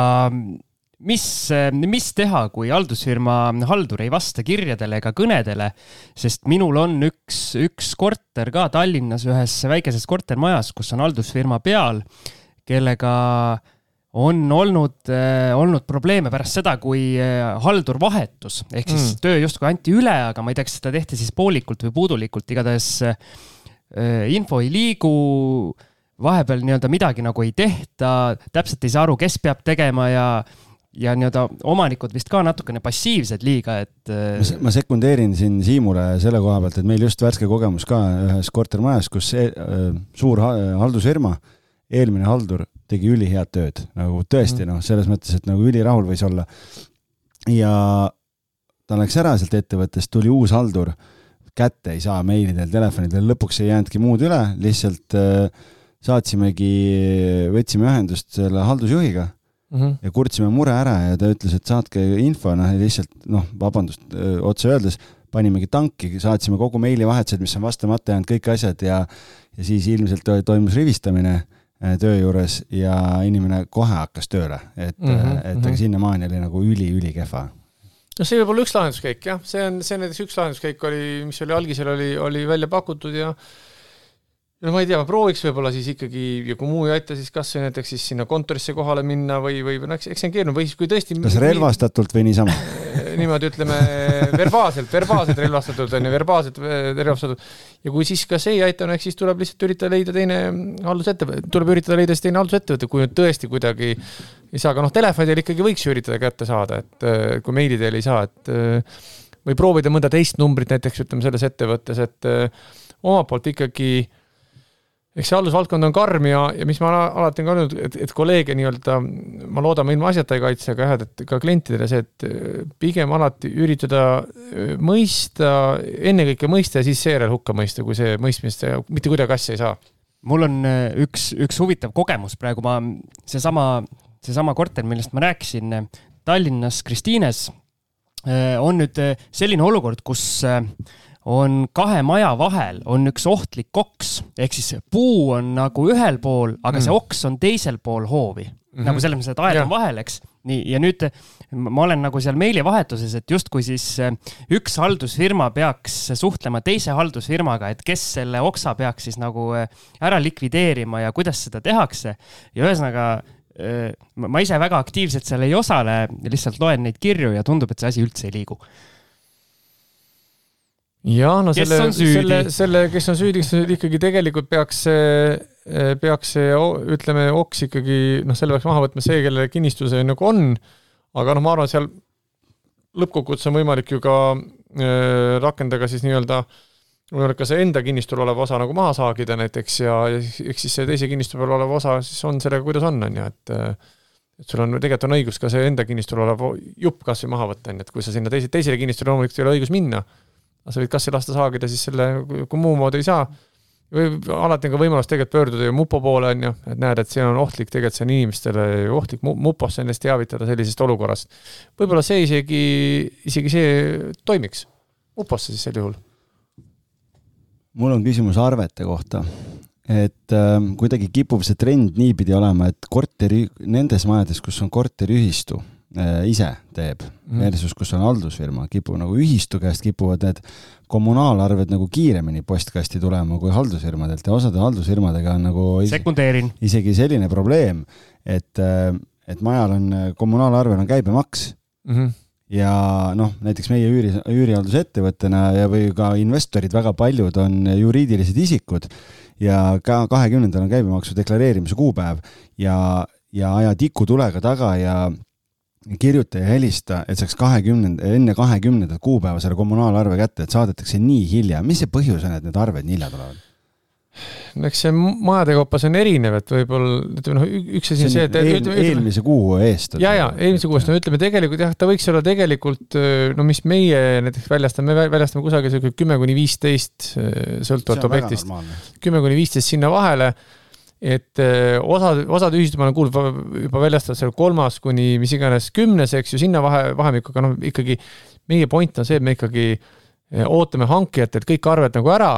ja, ja kontrollime need ka üle, on ju, et siis eh, olla veendunud, need kulud, mis me sinna peale paneme, et need oleks nagu tegelikud kulud, on ju, et noh, et me ei, nagu ei tegele ennustamisega, et noh, loomulikult me suudaksime enam-vähem ju ka neid kulusid võib-olla kuidagi ennustada, eks ju, ja siis ka selle arve võib-olla viies kuni kümnes välja saata.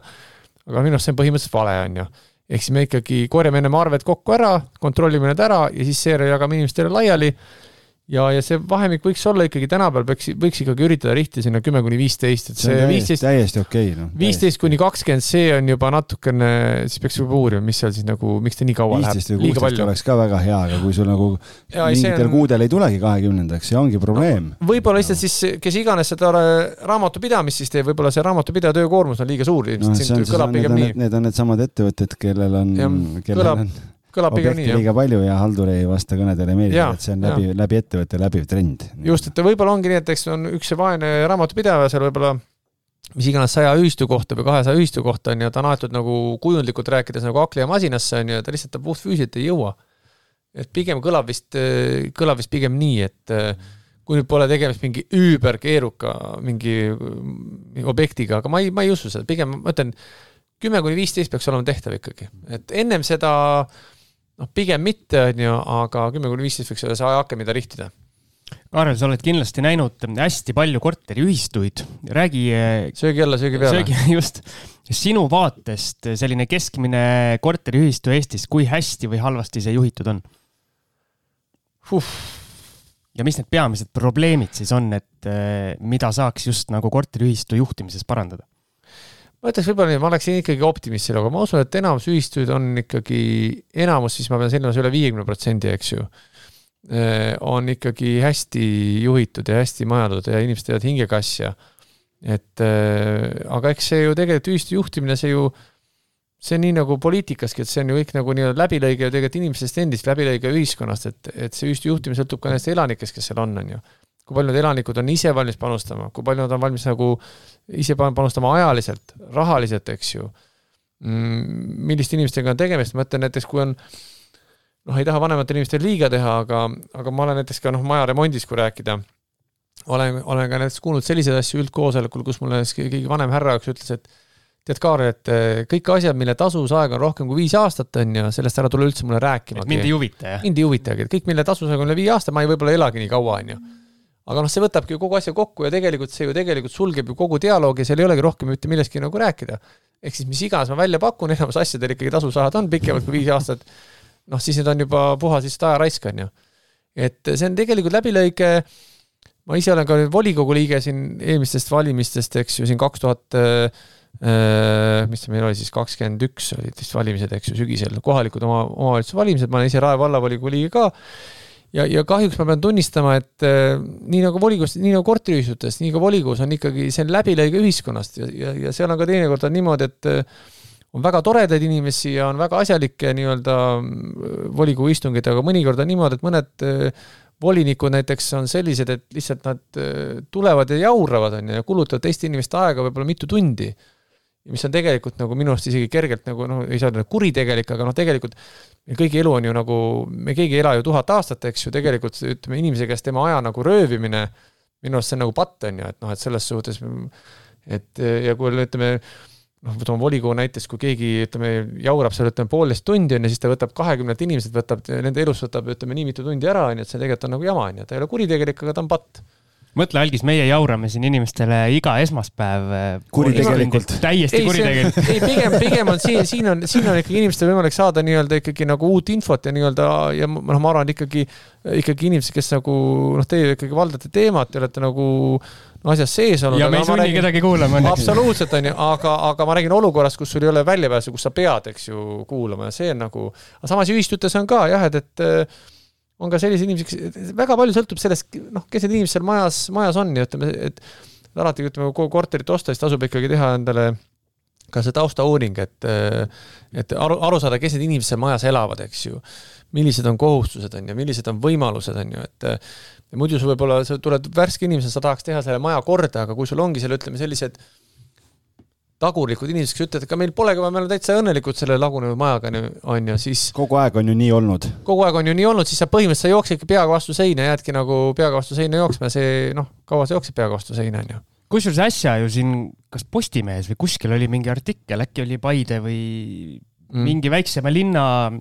maja, kus oligi see probleem, et eh, vanemad inimesed ei tahtnud renoveerida, nooremad tahtsid ja hull skandaal Just. ja ma, ma lugesin seal Facebookis eh, selle postituse all olevaid kommentaare, seal oli nukker. üle neljasaja kommentaari ja inimesed jagunevadki täpselt kahte leeri ja tundub, et ongi noored ja vanad, et noored eh, ütlevad vanadele, et kuulge kännud, et davai, et teeme midagi, et muidu maja laguneb ära ja vanad ütlevad, et, et ei ole vaja, et las olla. tead, seal isegi ma mõtlen, see on kindlasti ka see vanuselised, aga tihtipeale see on ka näiteks, ma olen ka nooremate puhul on seda täheldanud, tead, ütleme, võib-olla natuke ebaõiglane, kui ma ütlen, võib-olla ma natuke kõlasin ka pahasti ebaõigesti, kui me ütleme, ütleme, vanemad inimesed on alati need pidurid ja ütleme, noored on need alati niisugused eesrindlikud ja tublid. ei ole, teinekord on ka täitsa vastupidi, kus on, ütleme, vanem inimene saab aru, et maja vajaks näiteks, ütleme, majal on vaja koguda remondifondi, maja on vaja korda teha, tuleb võib-olla mõni noorem inimene, kes on ennast lõhki laenanud, eks ju, kes pole remondifondiga näiteks arvestanud ja siis tema kümne küünega võitleb sellele vastu, sest tema eelarve lihtsalt ei pea vastu näiteks sellele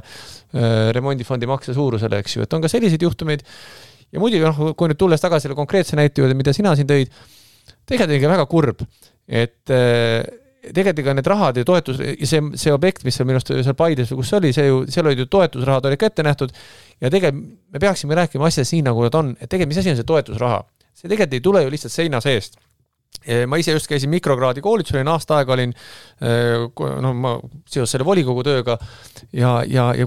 seal räägiti meile ka sellest, et kuskohast see Euroopa raha üldse tuleb ja tegelikult ka need toetusrahad, KredExid ja asjad, tegelikult see on Saksa maksumaksja mm, äh, nägu, on tegelikult selle toetusraha taga. Ehk siis see kolmkümmend, nelikümmend protsenti, mis meie kortermajade taastamiseks antakse, meie inimene nagu Nõukogude ajast nagu niisugune natuke nagu orja mentaliteet, et meile keegi teine peab andma või noh, Nõukogude Liit või keegi riik peab meie eest hoolitsema, tegelikult see raha ju kuskilt tuleb, see ei tule seina seest. ja tegelikult need toetusrahad on, enamus on tegelikult on doonoriks sellele või nii-öelda, kes seda raha annavad, on Saksa maksumaksja ja tegelikult nemad peaksid olema pahased, et mingisugustele idaeurooplastele siin perifeeriasse antakse raha, on ju, ja veel ja selle ja seda raha ei taheta veel vastugi võtta, on ju. ja need on veel pahased jabu. ka. ja veel on pahased ka, on ju, me, nende, nemad on toored, nemad annavad nagu kujundlikult öeldes, nemad annavad verd ära ja me hakkame jonnima, et ei, meil ikka vaata see veri, veri, see veri, veregrupp ei sobi, et sellel on parim enne läbi või tead, see värv ei ole päris see või see. et mis mõttes? ja veel inimestele nii-öelda, kui seda ehitust ja remonti ja taastamist nagu rääkida, siis on see, et Eh, mis on minu teooria, mida ma alati üldkoosolekul viimasel ajal olen rääkinud, et kullakesed, et et äh, vaadake, noh, me oleme siin laua taga, eks ju, me siin äh, räägime, määrin paberit, ka mina olen ka tegelikult võib-olla olen ka mõnes mõttes paberimääri, ma ei ole ise see, et ütleme kellu, kellu käes ja ja läheksin, ütleme, mingi maja fassaadi ise nagu parandama või remontima, ma ei oska seda teha. ja, ja tegelikult ma ei ole ka kohanud noori inimesi, kellel silmad säraks, kes ütleb, et ma unistan äh, väljas, ütleme, külma ilmaga töötamisest, kraavi kaevamisest või või mingisugusest ehitustööst on ju, kõik ta, no ütleme, kõik ta projektijuhiks saada, hal-, noh, ma ei tea, kas halduriks keegi tahab saada, võib-olla tahab. pärast tänast ära, ei taha taha, onju, ei taha, onju et aga, aga reaalselt nii-öelda töötegijad, kes selle füüsilise töö ära teevad, tegelikult neid ei ole, neid jääb, või need on, aga neid jääb aina vähemaks. ja nüüd, kui see paganama Ukraina sõda tuli ka peale, eks ju, siis on ju niimoodi, et mina nii-öelda hobi siis sellise nagu äh, majandusinimesena ma prognoosin, et tulevik ei ole, selles mõttes ei lähe helgemaks. meil, ma ei näe enda ümber noori inimesi, kelle silmad säraksid, kes unistavad, et äh, kellukooli on mingi hirmus äh, müürsepa erialane, et mingi hirmus nagu rabamine, kõik tahavad sinna nagu müürsepaks minna. ei ole, ei ole, ma arvan, pigem see kellukool peab väga palju vaeva nägema, et üldse leida inimesi, kes seda füüsilist tööd teeksid. varem meil olid ukrainlased, kes siin ehitasid, ukrainlased on täna, kas on, äh, sõdivad oma kodus või on juba otsa saanud, eks ju, oma kodus. ja, ja tulevikus, kui see sõda saab läbi ühel hetkel, siis minu prognoos on see, et tegelikult asi läheb selles mõttes veel hullemaks ja läheb äh, nii-öelda seesamune käsi lendab ventikasse et, et tegelikult siis hakkab Ukraina ülesehitustöö, mis tähendab seda, et need inimesed töötavad oma kodus mis tähendab seda, et meil reaalselt töötegijaid jääb veel vähemaks, on ju. ja kuna Euroopa ja USA plekib kinni, siis Eesti just, ehitaja läheb ka sinna. nii, Eesti ehitaja vaata, läheb ka sinna ja siis ainuke viis, kuidas me ja, ja, ja jällegi inimese küsimus, miks keegi peaks üldse tahtma Eestisse tulla ehitama, kas me oleme nii sõbralikud, kas me oleme nii toredad, kas me võtame võõraid inimesi väga vastu nagu niimoodi, teeme nende elu enam oleme... ka odav ei ja, ole, et siin elatustase on nii kallis. tegelikult on külm, kliima on kehva on ju selles suhtes, miks kõik peaks sõimlevad sõimlevad on ju, inimesed on niisugused pigem on mornid, võib-olla nad isegi ei olegi nagu inimesed ei ole pahatahtlikud, aga võib-olla ma ei tea, kui hästi me, palju me naeratada oskame, kui, kui sõpp, me ei ole ju mingid nagu, Eesti inimene on pigem niisugune nagu rahulik ja tagasihoidlik ja selline nagu tõsine on ju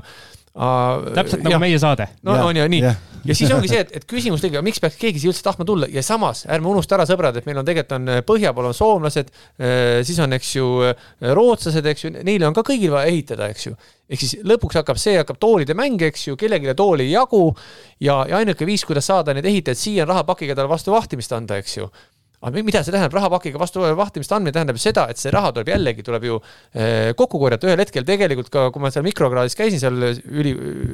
nii-öelda Tallinna Ülikooli juures õppimas, siis ka tegelikult need toetusrahad jäävad aina vähemaks, neid jääb aina vähem, vähem, vähem, kus ühel hetkel me jõuame nagu nulli, me ei ole enam nii-öelda me ei ole enam niimoodi, ei ole enam nagu saaja rollis, vaid me, me hakkame ühel hetkel hakkame ise ka andma, eks ju. ma muidugi ei kujuta ette, mismoodi siis meie Eesti inimesed sellesse suhtuvad, on ju. kui me peame hakkama ise reaalselt nagu panustama. jälle halb. jälle halb, on ju. et, et sõbrad, nagu üleskutse on see, et ikkagi pigem, kui remontitöid on võimalik teha ja, ja siis võiks need ikkagi pigem täna ära teha, sest odavamaks, seda ohtu, et odavamaks läheb, mina ei näe mingid asjad, on ju. tööjõudu jääb vähemaks ehk kõik läheb aina kallimaks, ma olen seal, nüüd ma kõlan nagu vanainimene onju. aga rääkides veel korra ühistustest, ühistutest, siis kui palju, eh, kui üldse sa oled näinud selliseid ühistuid, eh, kus juba kaugelt vaadates on näha, et seal on mingid hämarad asjad, raha läheb kuskile vasakule ja sellisest asjast tuleks kiirelt lahti saada? ja ma ütleks jällegi, ma tahaks olla ikkagi, ma olen vist ikkagi optimist selle koha pealt, et ma ikkagi pigem ma niisugused hämaratesse asjadesse ma tahaks uskuda vähem pigem ma tahaks uskuda võib-olla, kas siis on seal teadmatus või siis on lihtsalt no soovimatus midagi teha, et pigem nagu seda. aga, aga jah, ma ei ma tahaks olla ikkagi optimist ja positiivne selle koha pealt, et kindlasti võib-olla on ka selliseid negatiivseid näiteid, kus ongi tõesti raha pannaksegi kõrvale, eks ju, aga ma tahaks ikkagi mõelda positiivselt. et pigem on siis nii-öelda hädades süüdi ebakompetentsus kui. ebakompetentsus ja võib-olla ka soovimatus on ju, ja võib-olla ka see, et ütleme, tahetakse mingeid asju saada, aga vaata sellest maksta ei taheta, et näed, see ongi mingites majades, kus sama taandume siis remondifondil, remondirahale, eks ju, et kui ma ütlengi näiteks mõnele inimesele, et kuule, et näed, et eh, remondifond peaks olema seal kaks või kolm eurot ruudu kohta, korteri ruudu kohta, no ütleme isegi seda suuremas majas ja nad siiamaani inimesed on harjunud maksma võib-olla kümme, kakskümmend, kolmkümmend, nelikümmend senti ruutmeetri kohta. mõni ütleb selle kohta, oi, noh, hakkab demagoogia pihta, et näed, kümnekordne remondifondi tõus ju, noh. aga raha tegelikult, raha, see ei tule võib-olla ühistu nii palju rohkem raha sisse, et noh. Mina oleks, pigem ma oleksin, kui asjad on korrast ära, siis kas seal on, ütleme, soovimatus rahasid panustada või siis mm, oskamatus või midagi sellist, on ju, aga ma, ma noh,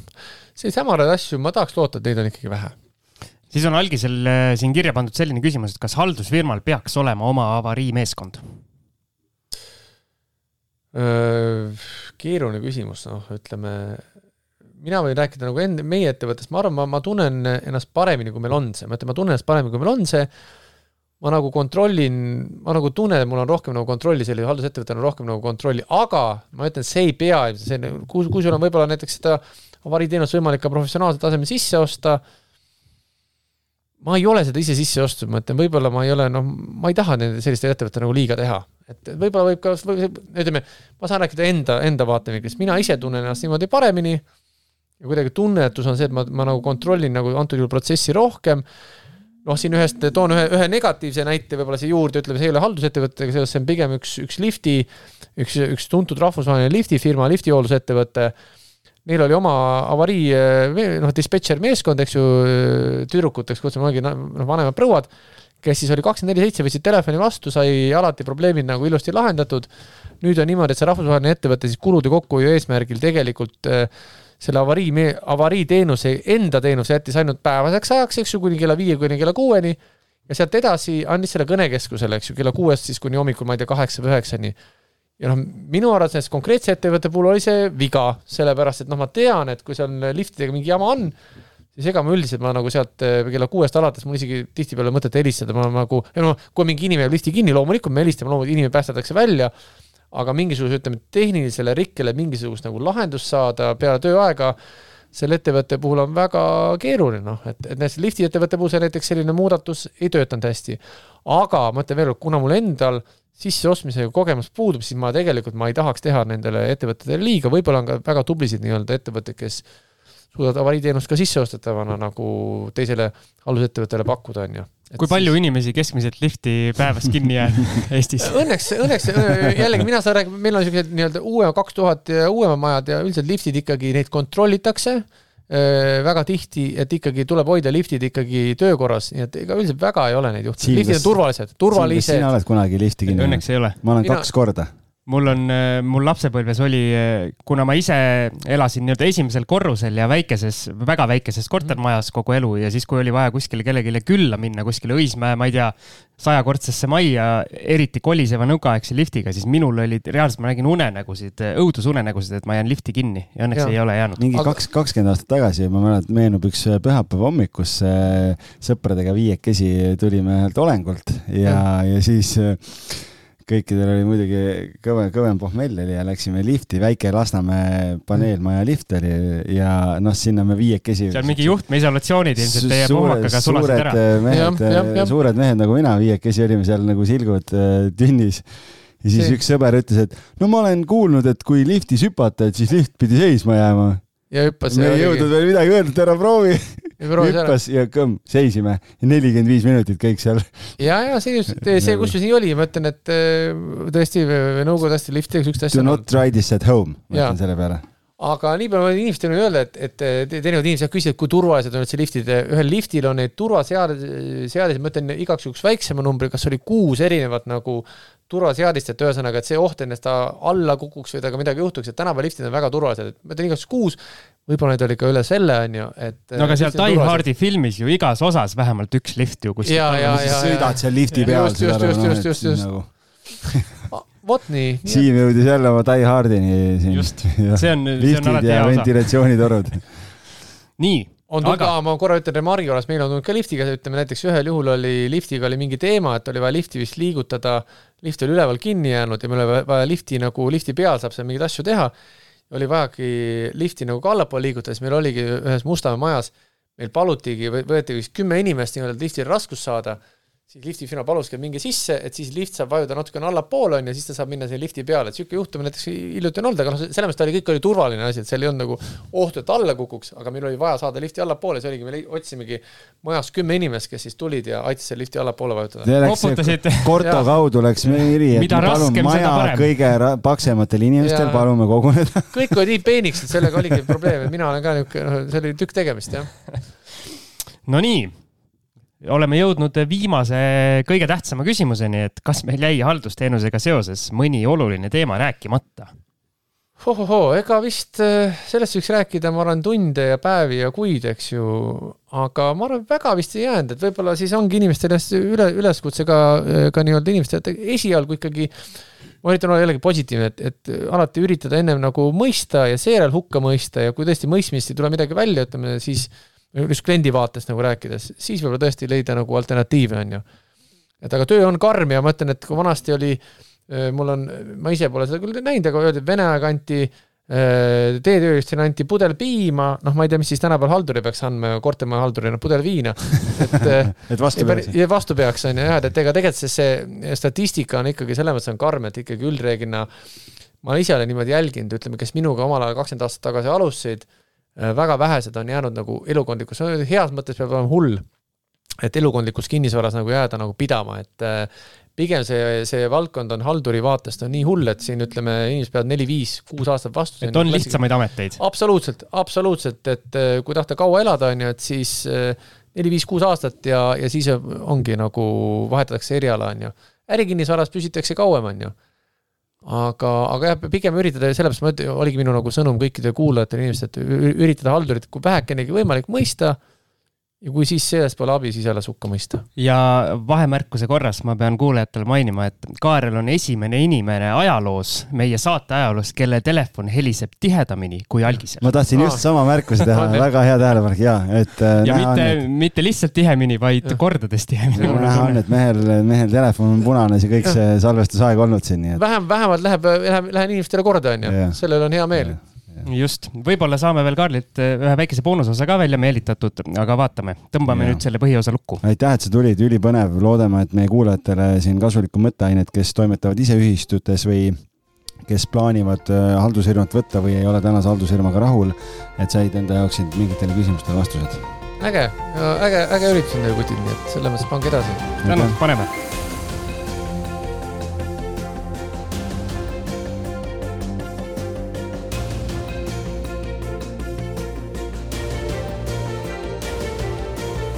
kinnisvarainvestoritele loodud kinnisvarabüroo, aitamised alates esimesest sammust kuni lõpptulemuseni välja. vaata lähemalt www.onestate.ee